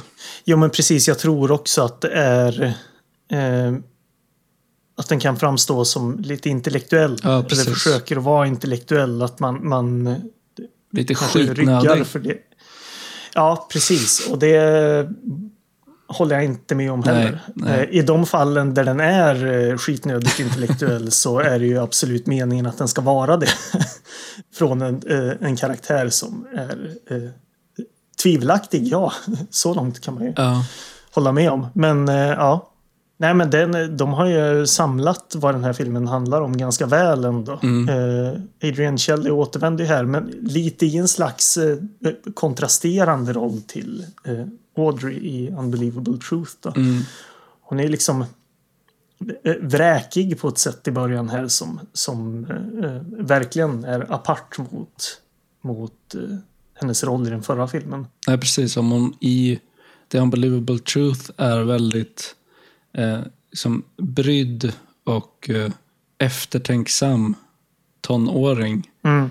så är hon ju här, eh, åtminstone till en början, väldigt eh, ansvarslös kan man väl säga. Ja, ja men precis. Precis. Egocentrerad. Men det kommer ju att förändras under filmens gång. Så. Mm. Mm. Men filmen börjar ju med att eh, hon, är, hon är gravid och när hon berättar det för sin eh, familj så eh, uppstår det bråk och eh, eh, pappan försöker liksom kasta ut henne. Eller han, eh, försöker, de kastar ut henne. De säger att du, då, då får inte du bo här längre. Liksom. Mm. Eh, och sen så fort hon har lämnat huset så faller pappan ihop på golvet döda. Mm. Här kommer ju någonting som också genomgående för Hal Hartleys eh, filmer. Att eh, den här då eh, väldigt dramatiska händelsen eh, berättas ju på ett sätt som gör att det inte går att liksom se det som annat än komiskt när pappan faller ihop Nej, död där. Ja, det är någonting i, i bara tajmingen i den här scenen och hur, hur kameran är placerad och så vidare som, som gör det väldigt lustigt. Nej, men verkligen. Eh, hon eh, vet inte om det här heller. Utan det är först när hon, hon liksom har pratat med sin pojkvän då, Anthony. Som, som också faller ihop på golvet i, i ren sån här dödsångest. att hans, hans liv är förstört i att hon är, hon är gravid. Ja, hon väntar på honom Eh. på skolan och så kommer han liksom eh, släntrande nerför trappan klädd i sina eh, eh, fotbollskläder liksom och på Mm. väg ut på träning och sådär. Han är Så jävla dryg snubbe. Ja men verkligen. Eh, ja, han, han faller ihop också. Eh, sen kommer hon tillbaka hem och eh, hon har varit och, och köpt kläder och hon fattar inte vad det är. Alla, alla är liksom samlade där. Hon fattar inte vad som har hänt. Säger, ja men vart är pappa liksom? Så, Nej men du mördade honom, säger väl hennes mor. Något i den stilen. Ja, Sen introduceras man ju också då eh, samtidigt för Matthew, då Matthew Slaughter som radioreparatör. Som vägrar arbeta med tv-apparater. Han är ju någon slags här, eh, liksom geni när det kommer till elektronik och att, att laga liksom, eh, prylar överhuvudtaget. Mm. Men han har också en väldigt eh, hög, liksom, eh, han har väldigt tydlig uppfattning om vad som är kvalitet. Alltså, så Han vill bara jobba med kvalitetsprodukter. Han hatar tv. Eh, han vill absolut inte jobba med tv. Han vill inte reparera, reparera tv-apparater. Den scenen när man introduceras för honom så bråkar han ju också med, med det här företagets föreståndare. Då, eh, kring liksom kvaliteten på dem. Det är väl någon slags eh, eh kretskort han sitter och jobbar ja, precis. på. Precis. och han liksom kritiserar de här kretsarna och säger att det är bara en massa skit alltihop och han vägrar jobba med det. Och så säger han upp sig och uh, hela scenen slutar med att han sätter sin föreståndare i uh, ett skruvstäd. ja, sätter hans huvud i ett skruvstäd. precis, stormar ut därifrån. Stormar ut därifrån. han är, han är ja, det, det, han är svår att tycka om. Han röker som en skorsten också. Uh. Eh, men han har det här liksom. Här, har man ju verkligen det här liksom långrock, mm. eh, kavaj liksom. Suedo, intellektuell snubbe som, som läser. Eh, svårt att liksom hänga med i eh, alltså, vad han är för person egentligen. Mm. Förutom att han är ett geni på att laga radioapparater. eh, men man får, man får ju ganska snabbt då. Det, det, görs ju väl på så sätt att en person som man tror ska vara så odräglig och, och, och möjlig att tycka om har ju sin liksom grund i också att han är eh, mer eller mindre misshandlad av sin far på hemmaplan. Mm. Eh, det är någon slags tyrannvälde där hemma där han gång på gång måste städa toaletten och eh, ja, det är aldrig nog och så vidare. Hans pappa eh, är ju väldigt tyrannisk. Eh, mm. Sadist liksom.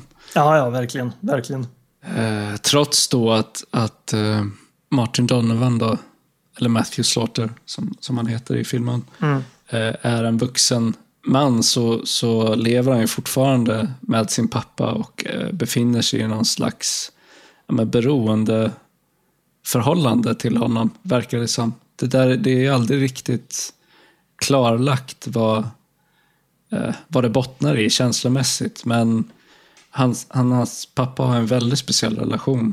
Eh, för att om, om den här Matthew Slaughter då, för resten av världen så är ju han läskig.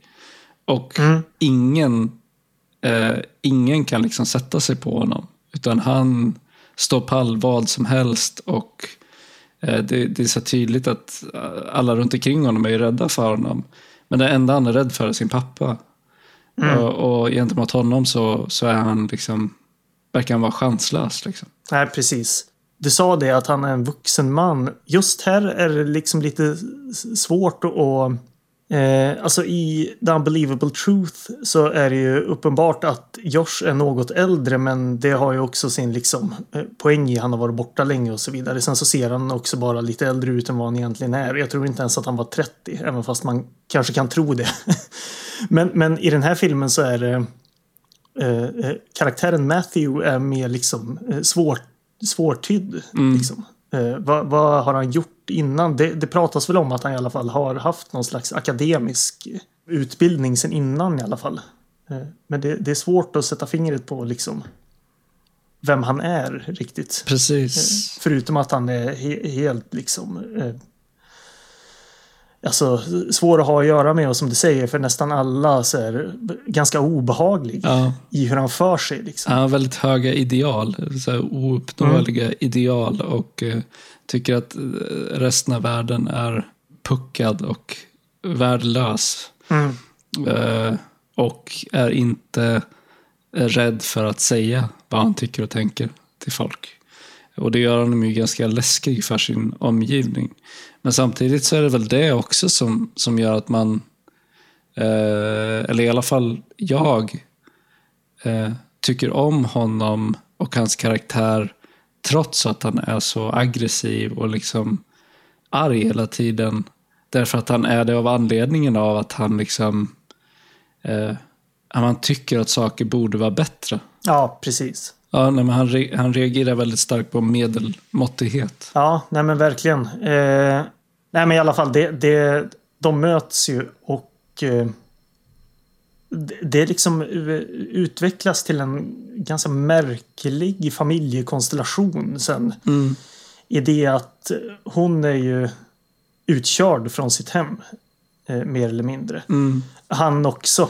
Eh, de möts och eh, ja, men även här då liksom hittar något i varandra. För vad jag tänkte på är ju det att den här filmen har liksom ingen karaktär förutom då Maria som är hel. Eller vad man ska säga. Nej. Det är som att, att alla saknar, saknar liksom pusselbitar. Eh, och ja, förutom då Maria som även här då är eh, liksom verkligen hjärtat i den här filmen. Eh, men hon hittar ju något i Matthew då och de mer eller mindre liksom flyttar hem till henne. Eh, och hennes mamma säger ju det att eh, Alltså liksom, det, det, du ska inte ha en sekund i livet där du inte jobbar tills liksom fingrarna blöder på grund av vad du har gjort. liksom, det, det är så här, det är enorma gester. Medan då eh, hennes syster då, Edie Falco är, är ganska så här ja, vad ska man säga? Eh, hon, hon är ju någon, en ensamstående mamma som är lika delar liksom, fin och sympatisk som hon är så här, dryg och eh, ja men även här så här, kaxig och eh, tuggummi-tuggande.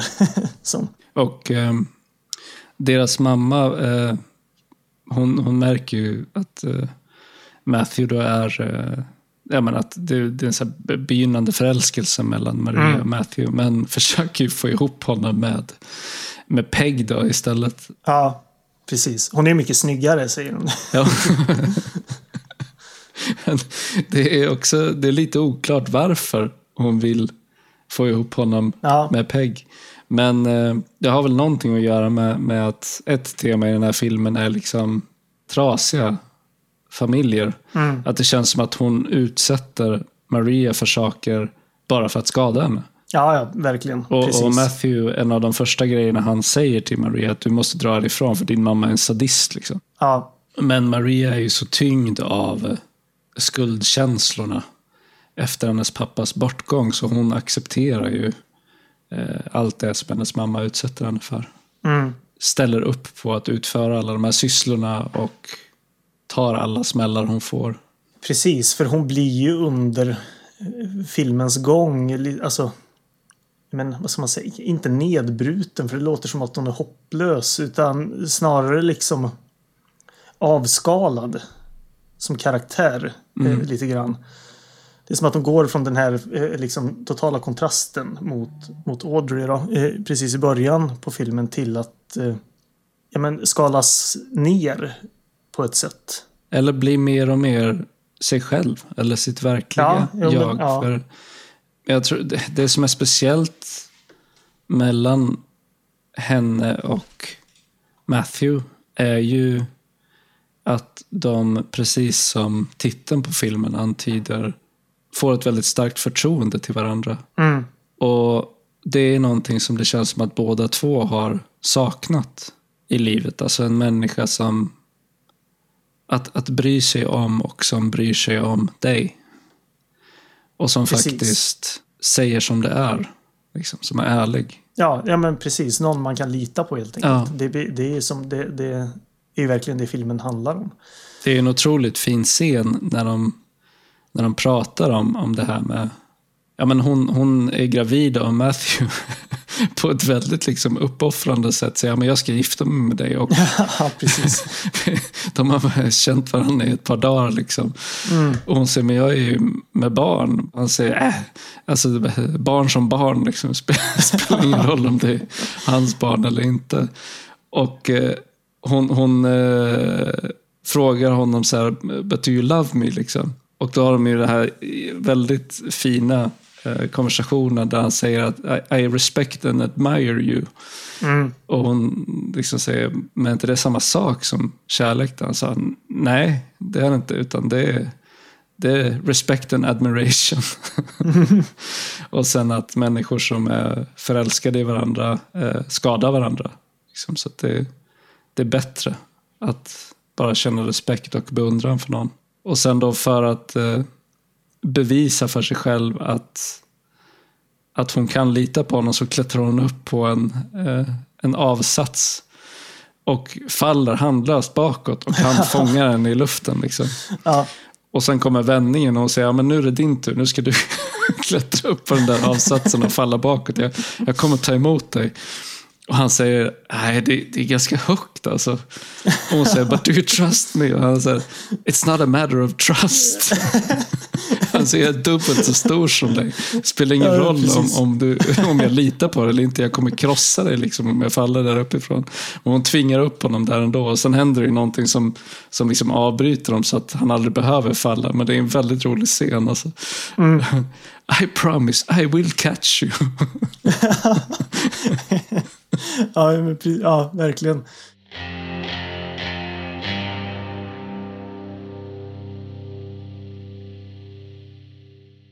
Det är också en, en del, lite tydlig kanske bild, men han har ju den där handgranaten som hans Ja. far har tagit med sig hem från Vietnam som han alltid bär med sig. Han har den alltid i, i, i fickan på sin rock. Han är ju en, en tickande bomb helt enkelt. Men det, det, han, han har med sig den där hela tiden. Den kommer ju verkligen in, in play sen på, på slutet igen. Hon frågar ju någonting om det. Varför, varför bär du med dig den där? Han säger att det kan vara bra att ha. Precis. Ja, det, det är en sån kul scen också för han blir ju såklart av med jobbet på den här radioreparatörsfabriken. Och så har hans pappa fixat så att han så, ska få ett jobb på just en tv-apparatsfirma, tv-reparatörsfirma. Ja. Och så kommer han in där och han börjar ju, ja men som, som karaktären är liksom, skita på tv-apparater. Nej men jag vägrar jobba på tv-apparater. Men, men vi behöver ju någon som kan laga tv-apparater. Så, Nej men jag gör inte det, jag jobbar bara på radioapparater. Och de bara säger, men vänta nu. Det, det, är ju, det är ju din far som liksom har, har bett oss att anställa dig. det, men han bara är helt så här, nej nej, nej men jag vägrar. Liksom. jag kan inte göra det. Jag kan, jag kan inte sjunka så lågt att jag jobbar med att reparera tv-apparater. Ja, men precis. Och sen stormar han ut därifrån och liksom springer in i en kvinna som står i den där enorma kön av folk som har med sina tv-apparater som tappar sin tv. Ja. Han bara, ja men den var ju trasig ändå. och, sticker, och sticker iväg. Liksom. Han är en sån jävla skit i många stycken. Ja, ja men verkligen. Det, och det, därmed liksom att, eh, att det verkligen är skickligt gjort att man, man även hans karaktär liksom, lyckas man skala av lite grann. Eh, visa på att trots att han är helt odräglig och, och nästan omöjlig att tycka om i vissa fall så lyckas man också skala av honom så man kan se kärnan och eh, att, vad som finns där inne. Liksom. Det, men en annan grej som är så roligt med Al Hartley är att han använder sig av övertydlighet för att liksom eh, verkligen eh, visa på hur en karaktär är. Så för att, det där är ett exempel på det, liksom han beter, men det finns ju saker som är ännu mera överdrivna. Som när han kommer in på den lokala krogen så liksom passar han på att bara slå någon snubbe i magen när han passerar. Och så, så här, be, be eh, personen som sitter vid bardisken bara flytta på, här ska jag sitta liksom. Ja, nej, men verk, märker man ju verkligen att, det är, att, att folk är lite rädda ja, för de är livrädda för För de kom, kommer fram med liksom en sån här, åh här har du, här har du din flaska liksom. Det, som, det, det enda stället han verkligen är boss på är den där baren som han hänger på. Och eh, var, varje gång han liksom går ut från den här tv-reparatörsfirman så passar han också på att slå snubben där i magen. Just det. när han går ifrån. Ja, ja nej, det, det... Nej, återigen här liksom. Det, det kanske nästan ännu bättre i den här filmen i och med att den annars är så väldigt dyster. Att man lyckas så snyggt med att bara stoppa in så här jätteroliga grejer. Mm. Att man lyckas bygga den här världen där det är lika rimligt att ha en, en jättedyster historia. Samtidigt så, med, med de här liksom väldigt roliga scenerna utan att det känns eh, konstigt bara. Ja, och, och mitt i all den här dysterheten så är det, det här, här tycker jag att det är en väldigt fin kärlekshistoria. Mm. Två människor som är vilsna och liksom befinner sig i ganska jobbiga familjesituationer. Och eh, finner varandra i den här delade sorgen, eller vad man ska säga. Ja, och jag tycker att den här framför allt eh, slutar väldigt starkt. Ja, otroligt. Otroligt fint. Eh, Nu har vi ju inte nämnt den här lilla, lilla sidostoryn, men den är också fin liksom. När, när Maria träffar den här kvinnan som hon har någon slags eh, demens. Hon är inte gammal alltså, men det är en kvinna som, som stjäl ett barn ur en barnvagn. Ja, Hon uppsöker ju henne sen. Det är en ganska fin historia, men, men det är ju verkligen också en liten sidostory eh, utanför. jo. Men den har ju med hennes, eh, alltså hennes eh, känslomässiga upplevelse av att själv vara gravid och sen liksom tampas med den här frågan kring om man ska genomgå en abort eller inte. Så det är en sidohistoria, men den har ju med eh, grundtemat i filmen att göra. Ja. Allting handlar ju egentligen om henne. Liksom. Precis som i The Unbelievable Truth, att det är hon som är den verkliga huvudkaraktären och hennes... Mm, definitivt. Eh, men alltså på, på, något så här, eh, på något sätt så är det ju en, en lite märklig variant på en, en coming of age eh, story. Mm, liksom. ja. Både The Unbelievable Truth och Trust är ju en slags uppväxtskildring. Alltså för att karaktären växer under filmens gång till att eh, realiseras som människa. Eller så. Det är åtminstone så jag tolkar det. Ja, men det, det finns ju liksom inslag att hon är också väldigt så här, drillad av sin mamma kring att se ut på ett visst sätt. Och Mm. saker ska vara på ett visst sätt. Och så där, hon vill inte använda sina glasögon för att hon tycker att hon är ful i dem. Liksom. Och, Ja, hon ser ut som bibliotekarie. hon ser ut som bibliotekarie, just det. Det är då han, Martin Donovan säger att bara I like librarians. Precis. så, så mer och mer så vågar hon bara vara sig själv. Ja, men precis. Och det, det, är där, Eh, det är det jag tycker är så starkt med det slutet också. För man har ju, återigen här liksom, han är ju en, en, mästare på att hitta liksom bildrutor. Och den bildrutan som är, är liksom allra mest spridd från den här filmen är ju den här jättefina scenen när han hotar med att spränga den här eh, radio... Han har ju återigen blivit förbannad på, på att de använder något gammalt kretskort. Men nu har han dragit det till sin spets så han ska liksom spränga det istället. Och sig själv här med det. Ja, och sig själv med, med den här handgranaten då. Eh, Och då kommer ju Maria dit och, eh, och träffar honom. Och han slänger den här och det visar sig att den är en död eh, till en början. Det händer ingenting.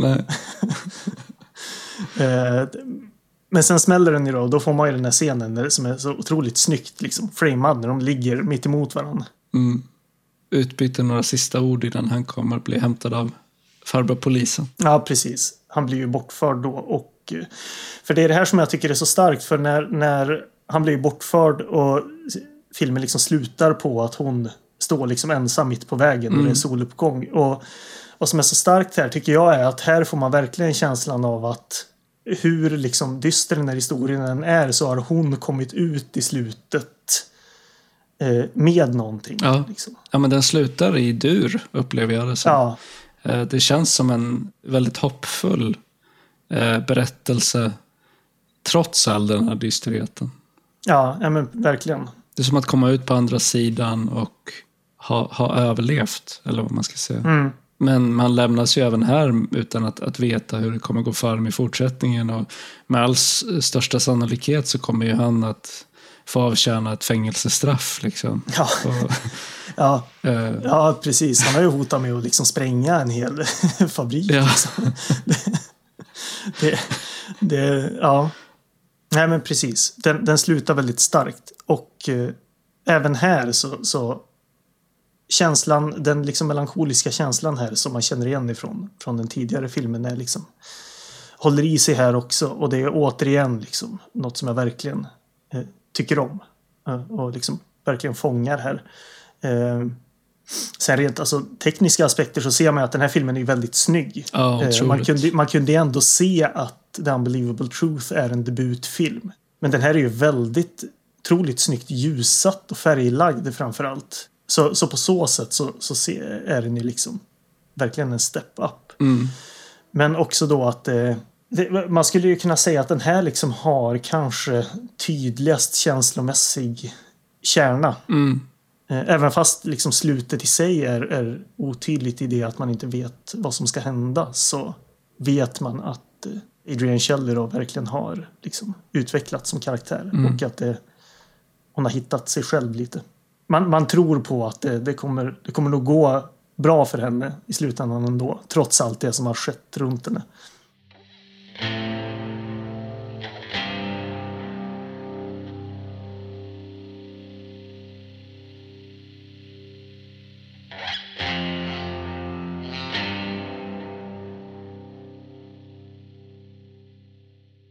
Ja, men då kanske vi ska gå vidare då till Simple Men. Mm. Eh, vår sista film. Då Simple Men eller Begär, besvär och enkla män som den hette i Sverige. det låter som en eh, slapstick-komedi. Som den kanske har drag av men, men det är det ju inte riktigt. Nej men den är då eh, släppt 92 och eh, återigen Hal Artley skriver och regisserar. Eh, Robert John Burke återvänder som eh, huvudrollsinnehavare. Martin Donovan återvänder också som en eh, annan roll eh, som heter Martin. Men här ser vi ju då Bill Sage som Dennis McCabe.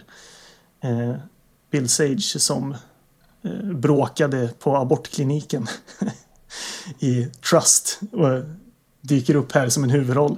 Han har eh, också haft en ganska lång och spretig karriär men inte, har varit med i betydligt färre sådana här storfilmer. Mm. Och återigen här ingenting egentligen känner igen honom ifrån. Han, var, han är med i Greg Araki som vi nu har nämnt tidigare. Då, eh, I det, hans film Mysterious Skin som är otroligt bra. Eh, där spelar han en väldigt obehaglig roll men den filmen är, är väldigt bra. Eh, den borde man definitivt se. Man borde se det mesta Greg Araki har gjort kan jag tycka. Speciellt de äldre filmerna är otroliga. Men, eh, Han är med i um, American Psycho också. Det var, det var det jag skulle säga. Jag hade aldrig gjort den kopplingen, men det är ju jättetydligt när man väl vet om det. Alltså, jag känner ju igen honom därifrån till och med. Men jag hade aldrig gjort kopplingen bara. Han är en del av yuppie-gänget där. Jag minns inte exakt vem av, vem av dem det är. Men... Ser lika ut allihop.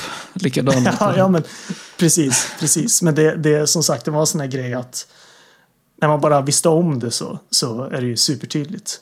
Nej, men eh, han spelar då Dennis McCabe. Sen har vi ju Karen igen då som, som spelade Nurse Payne. Hon har ju en huvudroll här, spelar Kate. Eh, hon har väl inte haft någon jättekarriär på film, gjort ganska mycket tv. Eh, hon är med i någon film som heter What Happened Was som är regisserad av Tom Noonan som jag har varit nyfiken på länge. Den verkar bra. Eh, Men jag tror att hon har spelat en hel del teater och eh, en grej som jag inte visste om, eh, som jag, jag, blev bara på gott humör när jag läste det, att hon var tydligen gift med Peter Stormare från 89 till 06. Ja. Det, var, det var otippat på något vis. Jag vet inte, vet inte varför, men det kändes så liksom... Det var en otippad matchning bara. Eh, som sagt, jag, jag blev liksom på gott humör av, av det, det otippade i det. Eh, jag giss, det finns en bild på IMDB som på de två. När de tydligen spelar Fröken Julie. Jaha. Och med mycket, mycket liten research så förmodar jag att alltså Peter Stormare blev ju eh, superkänd i och med att han spelade Fröken Julie eh, när Ingmar Bergman regisserade på Dramaten. Vet inte när det var, men det var väl 80-tal någon gång. Mm.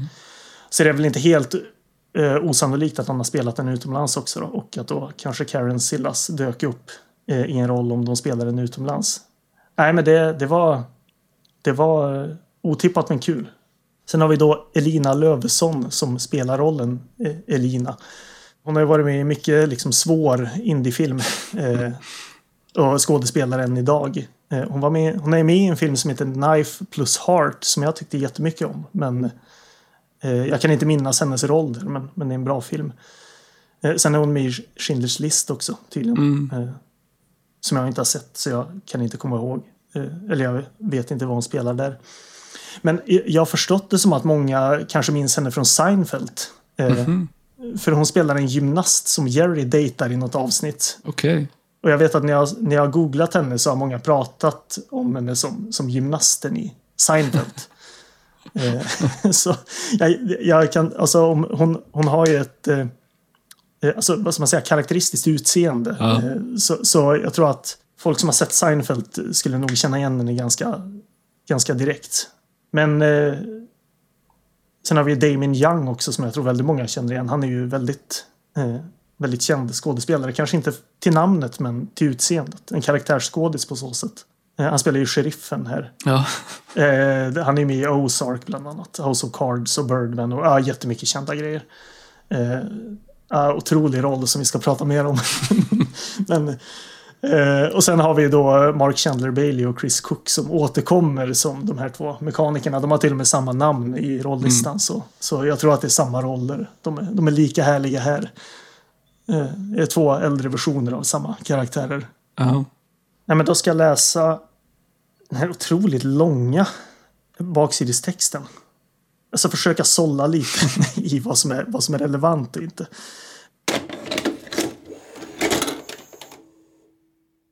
Simple Men is a romance with an attitude problem about two very disparate brothers, Bill and Dennis McCabe. Dennis is a quietly handsome, shy, and bookish college student who is desperately searching for his long lost radical activist father uh, and is joined uh, reluctantly by his older brother Bill, Robert Burke, Robocop 3 står det här också. An energetic, cynical, self-styled, white-collar criminal who has just been double-crossed by his girlfriend and is on the run from the law. Furiously resentful, he pledges to seduce and abandon the next beautiful woman he meets just to get even. The question is, will he succeed in spite of himself when he meets Kate? And can he and Dennis survive the threat of impending disaster as they both become drawn into complicated and potentially dangerous relationships? Mm. Ja, men det är väl liknande eh, som i fallet The Unbelievable Truth, att man kanske anar att eh, de har haft svårt att, att eh, få ner på pränt vad den här filmen faktiskt handlar om, eller vad, vad handlingen är. Ja, ja. Eh, och det kan man ju förstå, det är inte så jäkla lätt. Jag skulle nog också brottas ordentligt med att försöka sammanfatta handlingen i den här filmen. Ja, precis. Den här är ju betydligt spretigare än de ja. andra filmerna. Men ja, vi, vi kommer in på det.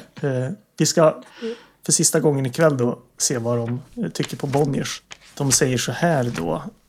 Originell och tilltalande film om två bröder, Burke och Sage, som börjar leta efter sin förrymde far, en före detta baseballstjärna som på 60-talet blev militant anarkist. Mycket udda film, full av torr humor, men under den lakoniska ytan dväljs äkta känslodjup, vilket gör filmen mycket sympatisk. Tre stjärnor. Där känns det som att de har fattat den här grejen med att det under ytan dväljs mycket känslor. För det gäller ju för alla tre Verkligen. filmer. Mm. Eh, men det känns inte riktigt som att de tidigare recensenterna har förstått. Nej, det krävdes, det krävdes två filmer för att man skulle mm. fatta hur man, hur man ska se de här filmerna. det är mycket som, som eh, alltså, trots att filmerna är i mångt och mycket väldigt överdrivna och liksom explicita och väldigt dialogtunga och så vidare så är det jättemycket av den faktiska handlingen som, som är under ytan. Eller som står skrivet mellan raderna. Liksom. Ja, verkligen. Här är jag lite nyfiken för den här är den enda filmen jag inte sett och gett ett betyg till så jag vet inte vad du tycker om den här. jag tyckte väldigt mycket om den här också. Ja. Eh, jag tyckte jättemycket om alla tre filmerna. Min favorit var Trust. Mm.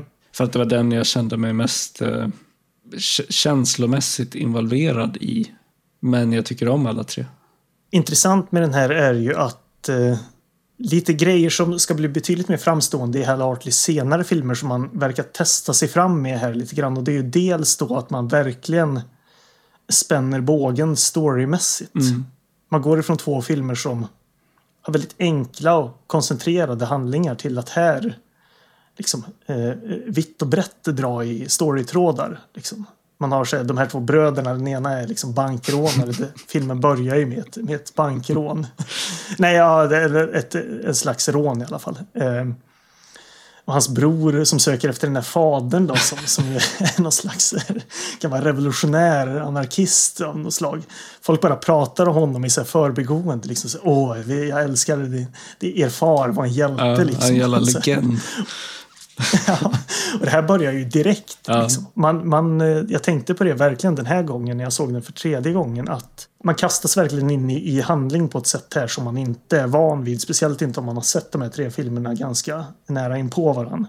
Här är det verkligen från, från start att eh, man introduceras till de här två bröderna som, som ganska snabbt stöter på varandra. Mm. Och eh, jag ska inte blanda ihop deras namn, men i alla fall eh, Robert Burke, det är verkligen så att vad fan, vad ska vi söka upp farsan för? Han är en galning mm. bara. liksom. Medan Dennis då är så här, nej men det vi, vi de, han har ju, fadern har ju varit inlagd på sjukhus och de kommer dit och det är så fullt med poliser mm. överallt. Liksom, för han har lyckats rymma. Liksom. Det, är en, det är en sån här liksom, actionfilm som utspelar sig utanför ramarna på den här filmen.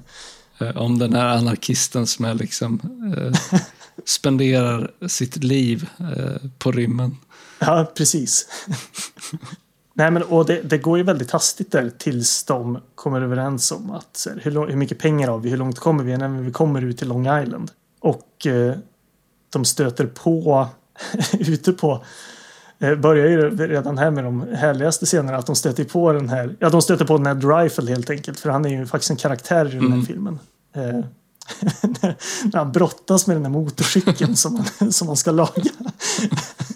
och det, vad, vad, jag tycker jättemycket om i den här filmen är att eh, musiken har varit ganska framstående i alla tre filmer men här används musiken på ett ganska speciellt sätt.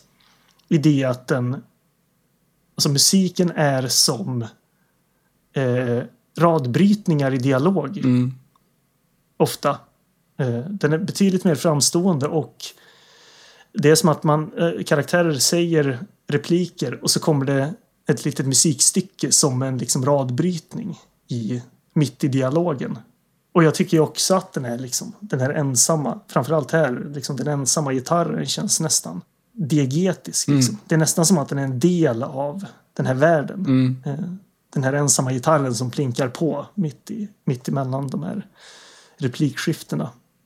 Det är så kul med, med, med Ned Rifle då som, som, som så här, verkligen liksom slänger med armarna. Det är som att han spelar teater och, och de kommer fram och frågar om det. Så här, What are you doing with that machine? säger de också.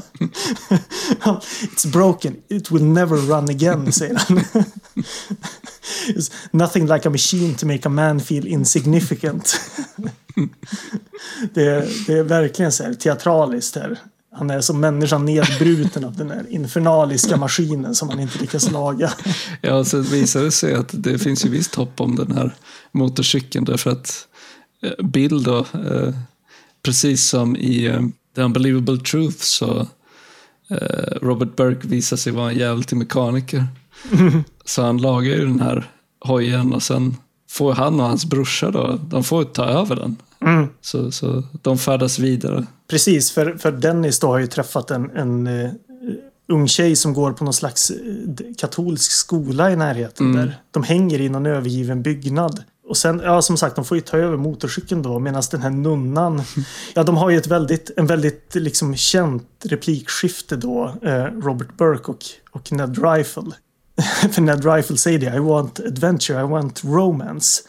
Så svarar då Bill, Ned, there is no such thing as adventure. There is no such thing as romance. There's only trouble and desire. When you desire something you immediately get into trouble. And when you're in trouble you don't desire anything at all.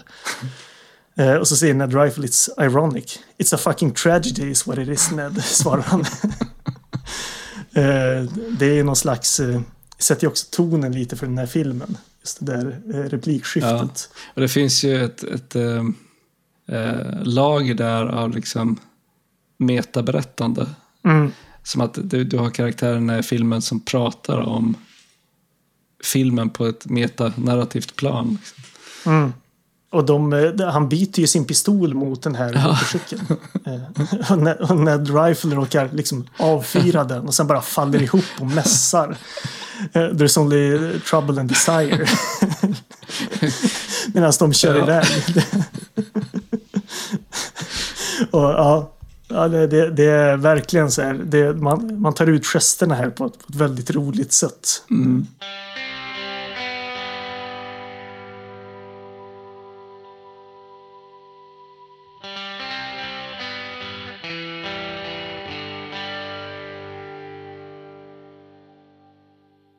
Eh, nej, men sen så kommer de ju ut till eh, till eh, långa, okänd del av Long Island.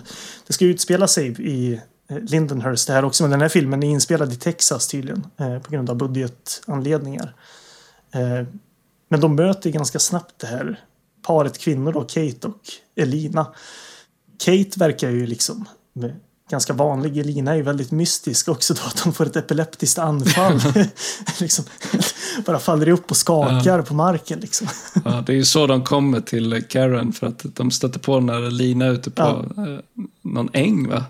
Och eh, hon ja, faller ihop där så de liksom tar henne hem till Karen. Ja, Kate. Precis. Ja, precis. Kate.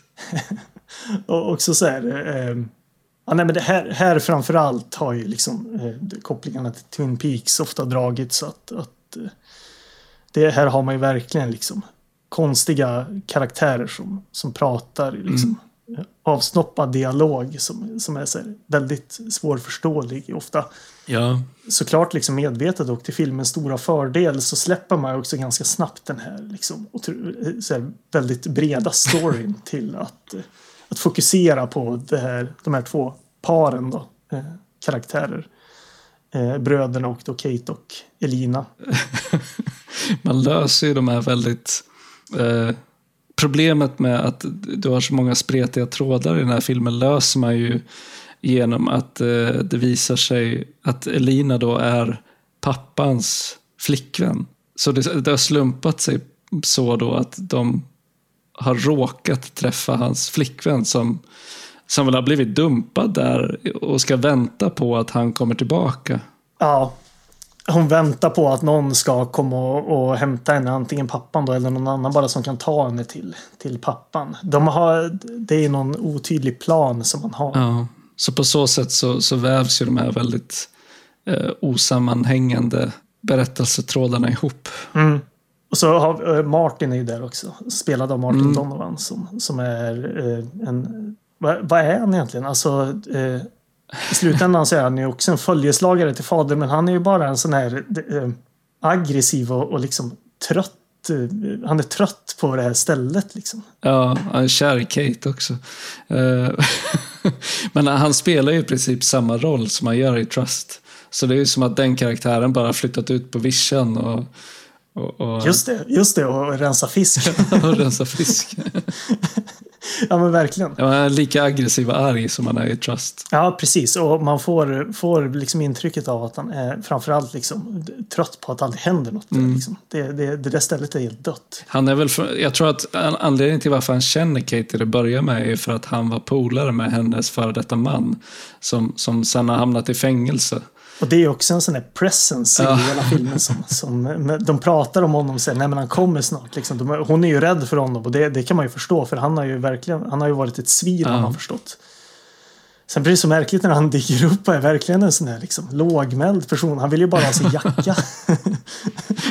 han frös liksom. ja, de beskriver uh, Martin Donovan uh, har ju Ehm, det, det, den här fina scenen som är mellan eh, Bill och Martin senare i filmen. Mm. Eh, vi kan prata om den, för den, det är en ganska intressant scen. Därför att precis som Martin eh, spelar samma karaktär fast med ett annat namn som han gjorde i Trust så ser jag det som att Robert Burke spelar samma karaktär som han hade i The Unbelievable Truth fast med ett annat namn i den här filmen också. Ja, en, en för, försurnad version ja, av honom. Det är som att han har blivit bara ännu mer bitter på, på livet. Liksom. För han, hans, det är ju, hela hans grej till en början är ju som, som man skrev på baksidan där också. Att han, han, han är ju så, så arg över att hans flickvän har lämnat honom så han ska liksom förstöra livet för nästa kvinna som dyker upp, säger han. Ja, nästa kvinna han möter ska han förföra och sen eh, liksom, göra så att hon blir förälskad i honom och sen ska han bara lämna henne. Eh, ja, det ska precis. vara hans liksom, hämnd för att eh, hans flickvän ja. har har sårat honom. Och det är, så, det är så roligt för att det första som händer sen när han träffar Kate är att han nästan omgående svär henne sin eviga kärlek. och säger jag ska flytta hit permanent. ja men precis. Det, det, det viljestyrkan ja, noll. Ja, men det liksom. känns som att han liksom, det känns som att han, att han egentligen är den här väldigt genuina och, och kärleksfulla personen som liksom eh, ja, men som är väldigt pålitlig och så vidare. Men att det han har blivit, han är, han är så också en väldigt känslig person. Så. Ja, men verkligen. Verkligen. liksom vara skadad av livet. Men så kan han inte hjälpa det, utan ja, han, han kan liksom inte, han kan inte vara den här kalla, hänsynslösa typen, utan så fort han liksom möter någon som han känner attraktion till så blir han genast 100% hängiven. det är väldigt roligt. Eh, men just det här med vad, även i det här fallet, vad, vad, vad handlar filmen om egentligen? Så delvis så, så är väl en, en, del av handlingen just kring alltså hur de står i, i skuggan av sin far. Men det är definitivt inte det jag tycker är liksom intressant mest. Den handlar ju om Bill och Kate utan tvekan. Det är de som är eh, Ja, det är ju Kate framförallt som är hjärtat i den här filmen och eh, hur Bill liksom eh, inte så sakta men, men definitivt liksom tinar upp och eh, mot slutändan där liksom i skuggan av, av sin far eh, väljer att återvända till det han liksom har förstått är viktigast för honom. Mm. Nej, men de, de, de försöker ju då sälja den här motorcykeln på macken där vi då återigen får träffa de här två mekanikerna varav då ja, eh, Mark Chandler Bailey då står och spelar elgitarr ute vid pumpen. Men då är det ju så kul för de, han lämnar ju motorcykeln där och eh, de, kommer, de söker, polisen dyker ju upp till slut för de söker efter mm. Bill. Han har ju liksom, de har ju rånat ett ställe. Så kommer sheriffen dit och de säger så nej men, nej men han var här och lämnade sin motorcykel här liksom, de ville sälja den och, de, och då säger sheriffen så, nej men den är stulen liksom. Så, här, så, så, så ni måste ju göra något om han kommer tillbaka. Liksom. så säger då Chris Cook då, nu kommer jag inte ihåg vad, vad... Jo men han heter ju Vicky i den här filmen också. Säger då att, men vad ska vi göra liksom? Han kan ju vara en galning, en mördare mm. liksom. det säger då Damien Young, han har, hans karaktär heter bara sheriff i filmen liksom. Teatraliskt så drar han av sig liksom hatten så här. Well, I guess you can call me and then I can come and detain him. men så otroligt eh, liksom aggressiv men också så här otroligt känslomässig ja. märker man. Ja. För de, han bara säger, jag förstår vad ni vill ha. Så här, you want safety. You want protection. och sen så börjar han så här mässa för sig själv till slut och bara faller ner vid pumpen i så här misär. ja, han befinner sig också i någon form av eh, identitetskris då, eftersom han har blivit, man får reda på att han blivit lämnad av sin fru så, så liksom eh, Precis. alla scener där han är med utmynnar alltid i att han liksom förlorar sig i liksom, monologer eller funderingar kring hur allting kunde gå så fel. Ja men precis, för, för, för eh, Mark Chandler Bailey kommer ju fram till honom och säger så här, när han suttit där vid pumpen, liksom röker en cigg vid, vid bensinpumpen, så här, helt nedslagen. Liksom, så här. Han bara säger Hey sheriff, everything okay at home? Och sheriffen bara Why do women exist? det är så härligt det där att han kommer dit så här, det är jag som styr och ställer här liksom. Uh. Fan, ni, får, ni får fan säga till nu så den där motorcykeln den kan uh. vara stulen. Sen börjar det som att han lunkar iväg. Liksom. två, två minuter senare så helt raserad. deprimerad. deprimerad. Nej, det, det, är en otroligt kul scen. Han är, han är så bra. Det är ja, verkligen. Sen så får, får vi eh, det absolut tydligaste liksom, exemplet på eh, antirealism som han jobbar ganska mycket med senare, Hal Hartley, i den här filmen, i, med den här dansscenen eh, till Sonic Youth eh, i mitten av filmen någonstans. Eh, vad tyckte du om den? ja, men jag älskar ju sånt. Alltså, ja, ja, jag tycker det är otroligt bra också. Det, det är så stiliserat och, och härligt liksom. Så det jag tycker är fantastiskt. För Martin Donovan bränner in i sin bil liksom. Ja. Slänger av sig kepsen och stampar på den. För han, I can't stand the quiet. Liksom. och sen rakt in i, i liksom en, en, en eh, dansscen. Ja, han dansar ju lika intensivt som han beter sig. Eh, ja, precis. Han, han, eh, det är kul för att det är han och sen den yngre brorsan och sen Elina som dansar. Mm. Och sen liksom i förgrunden så ser man ju Kate och Bill då stå och, ja, de, de typ dansar väl tryckare. Eller hur? Precis, Martin de, Donovan de är, ju, är ju eh, svartsjuk så man ser honom på håll hur han bara så stirrar på dem med kolsvart ja, blick samtidigt som man tar de här väldigt löjliga dansstegen till Sonic Youth-låten. Precis. Nej, men de, de är ju inne i en helt annan scen. Ja, liksom. ja. Eh, Bill och Kate medan man har, har liksom eh, Martin då som, som ganska uppenbart är liksom kanonpackad. Ja. och, och Dennis och Lina liksom som dansar i, i bakgrunden blir det liksom. Mm. Eh, ja, men det är väldigt kul att man även genom, en, även genom den scenen gestaltar karaktärer på ett, på ett ganska fint sätt. Mm. Och det är efter det som, som eh, under den här eh, kvällen då när de festar som, som det kommer flera sådana eh, väldigt fina scener där karaktärerna liksom möter varandra och, och pratar och sådär. Bland annat då när, när Martin och Bill har en scen ihop Mm. Som, som börjar med att, att eh, Bill eh, frågar om, om Kate. Så här, Mm. Martin har ju tag- taggarna utåt för han är ju också intresserad av henne. Liksom. Och eh, Bill säger att ja, men jag har förstått att hennes eh, före detta man, att han är farlig, eh, psykopat och arg. Mm. Och Martin blir jättearg och börjar skrika åt dem att nej, han, han, må, han må vara farlig och han må vara psykopat, men jag tror faktiskt inte att han är arg. Nej, precis. han, är, han är rolig också för de har ju en diskussion om det är väl en sån diskussion som jag kan tänka mig att folk tycker är lite, lite akademisk. Just för de har en, en diskussion om kultur och sexualisering i kultur. Ja. Vad som är så roligt i den scenen är ju att eh, Martin sitter där, han säger liksom ingenting. Eh, och sen när de har pratat liksom om Madonna och så vidare, massa andra artister. Så bara han drar fram en lapp så här, liksom, och börjar rada av riktiga sådana här dad rock band. Liksom. T-Rex, Led Zeppelin, Aerosmith. Jag minns inte exakt vilka band det är. Men han bara radar upp dem. Sen stoppar han ner lappen i fickan igen. Så man tänkte så här, fan nu är det done deal. Det där var liksom punkten för den här diskussionen. liksom. Att så här, fan det, ni kan snickesnacka om vad ni vill men här är det riktiga grejerna liksom. Nej, det, det är en kul liksom eh, punktsättning för den scenen. Ja, men det är precis också i det här eh, samtalet mellan de två karaktärerna.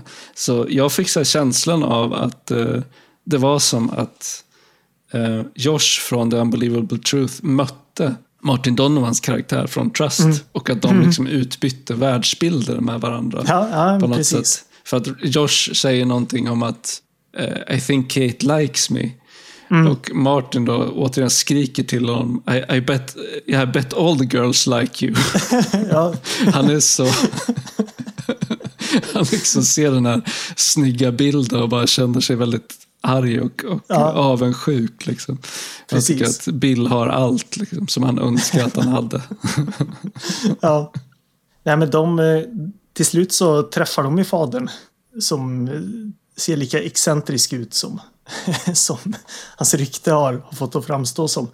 Så jag åker iväg på någon båt. Ja. Eh, Han står och läser högt ur någon bok som jag inte vet om det är en riktig bok eller om det, Det är är något så anarkistens manifest. Ja, ja men precis. precis. Dennis åker ju dit och eh, vad som är humor him så att säga. Eh, alltså han lyssnar ju på vad han har att säga. Han pratar med, med pappan liksom. Martin är där och Linar och de ska liksom sätta sail nu mot nya liksom eh, vidder eller vad de nu ska göra. Eh, Medans då när Bill kommer dit så bara stannar han upp, tittar på fadern och vänder därifrån och åker Mm. tillbaka. Återigen det här med att han har liksom förstått liksom vad, vad som är viktigt för honom. Mm. Eh, släppt sin hårda fasad i, liksom, Ja. i skuggan av fadern och återvänder till, till sina riktiga känslor. Ja. Återigen, det, det, det kanske är min liksom absoluta favorit slutscen eller slutbild här med när han åker tillbaka och omfamnar Kate. Och den där jättefina låten spelas. Mm. Eh, har, har liksom varit eh, superstarkt sen jag såg den här filmen första gången. Just den här liksom slutbilden som jag tycker är så jäkla, jäkla bra med, med liksom poliserna som säger Don't move i bakgrunden och sen bara att det klipper till svart. Det är jättefint. ja, det är det. Ja, en väldigt fin, fin film. Mm. Alla tre väldigt Ja. fina filmer. Alltså den här är ju svårast just i och med att den, den sträcker ut armarna lite mer så är den ju också kanske svårast att just peka på den, liksom, en tydlig poäng i vad den handlar om. Jag kan, jag kan ju förstå att eh, det liksom är något som man kanske inte tycker om. Jag har liksom inget emot det för jag tycker att den lyckas väldigt väl att behålla styrkorna från Unbelievable Truth och Trust.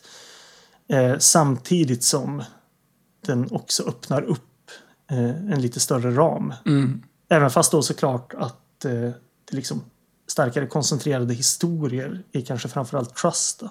Men det, det, är något med den här filmen som jag är liksom helt, eh, med på. I, i liksom det, det mest ytliga sätt så är det att jag tycker att den är så liksom väl eh, väver ihop musik och känsla på något vis. Men det, det är något annat också. Men den, jag tycker det är något väldigt starkt med den här, framförallt liksom känslomässiga ådran i den här filmen. Mm. Det är inte, så superlätt att, plocka fram vad det är, men i, vissa fall med filmer så är det ju bara så att eh, vissa filmer bara drabbar en mer än andra. Men, men det är ju tre otroligt bra filmer. Ja, det... det går liksom inte för min del att, att säga att någon skulle vara bättre eller sämre. För mig handlar det bara om mer eller mindre dagsform, vilken jag tycker mest om. Eh, och eh, vilken jag liksom fångas av mest. Ja, jag är väldigt glad att, eh, att eh, ha sett dem. Och jag kommer att eh, gå vidare i Hal Hartleys eh, filmografi och se mer av det han har gjort. En väldigt intressant regissör som väl fortfarande är aktiv. Ja, det, eh, han släpper musik och böcker framförallt. Eh, han har väl inte haft jättetur med, jag tror att hans senaste film eh, där merparten av skådespelarna som är med i de här filmerna, så både Edie Falk och uh, Robert John Burke och Martin Donovan och så vidare också skulle vara med i. Han, han har varit oerhört liksom bra och eh, framgångsrik på att finansiera både filmer och eh, eh, liksom produktionsbolagsgrejer på Kickstarter. Eh, och detsamma gällde filmen han skulle släppa precis i början av, eller börja spela in i början av 2020. Som sen då givetvis föll i, i eh, ja, som allt gjorde då. Liksom. Det gick inte att spela in den i med pandemi och så vidare. Men jag tror att det bara för ett par månader sedan var så att den filmen plockades upp igen eh, av ett produktionsbolag så att den faktiskt har spelats in nu. Men annars så har han ju gjort tv mest senaste alltså åren. För jag tror att den senaste filmen han regisserade var just Ned, Ned Rifle där vid 2015 någon gång. Men han är ju han är väldigt aktiv i den mån att han liksom driver sina filmbolag och sådär. Mm. Nej, men det var väldigt roligt att få prata Hal Hartley. Och så eh, får jag väl bara tipsa om att det, eh, nej, men det finns mycket mer bra och, eh, att plocka upp. Eh, senare i hans, eh, bland hans filmer. Ja, vi får se. Vi kanske kan återkomma till den här eh, senare trilogin någon gång också. Ja, just det. Ja, precis. Vi är tillbaka i mars igen. Och då ska vi äntligen prata om Björn Skifs i fara. Ja, precis. Det blir också väldigt roligt. Ja. Och eh, tills dess så kan man följa oss på Instagram och på Letterboxd. Och så ses vi om en månad igen då. Mm. Tills dess så får väl alla bege sig in på Vimeo och eh, hyra mm. de här mm. filmerna. Det är ju det är, i alla fall från min sida ganska solklara. Liksom. Att alla tre ska upp i dagens ljus igen. Ja, verkligen. Det ska de och som jag sa tidigare så kan jag tänka mig att om bara rätt person får ögonen på de här filmerna så, så känns det som att de skulle kunna få sig en renässans. Precis, i och med att de är så enkelt tillgängliga nu också så finns det liksom ingen anledning till att inte se de här. Nej, jag tror, jag tror att jag betalar 30 spänn för att hyra, eh, hyra dem på, på Vimeo. Precis. Ja, nej men eh, tills vidare då så eh, hörs vi. Det gör vi. Ha det bra, hejdå.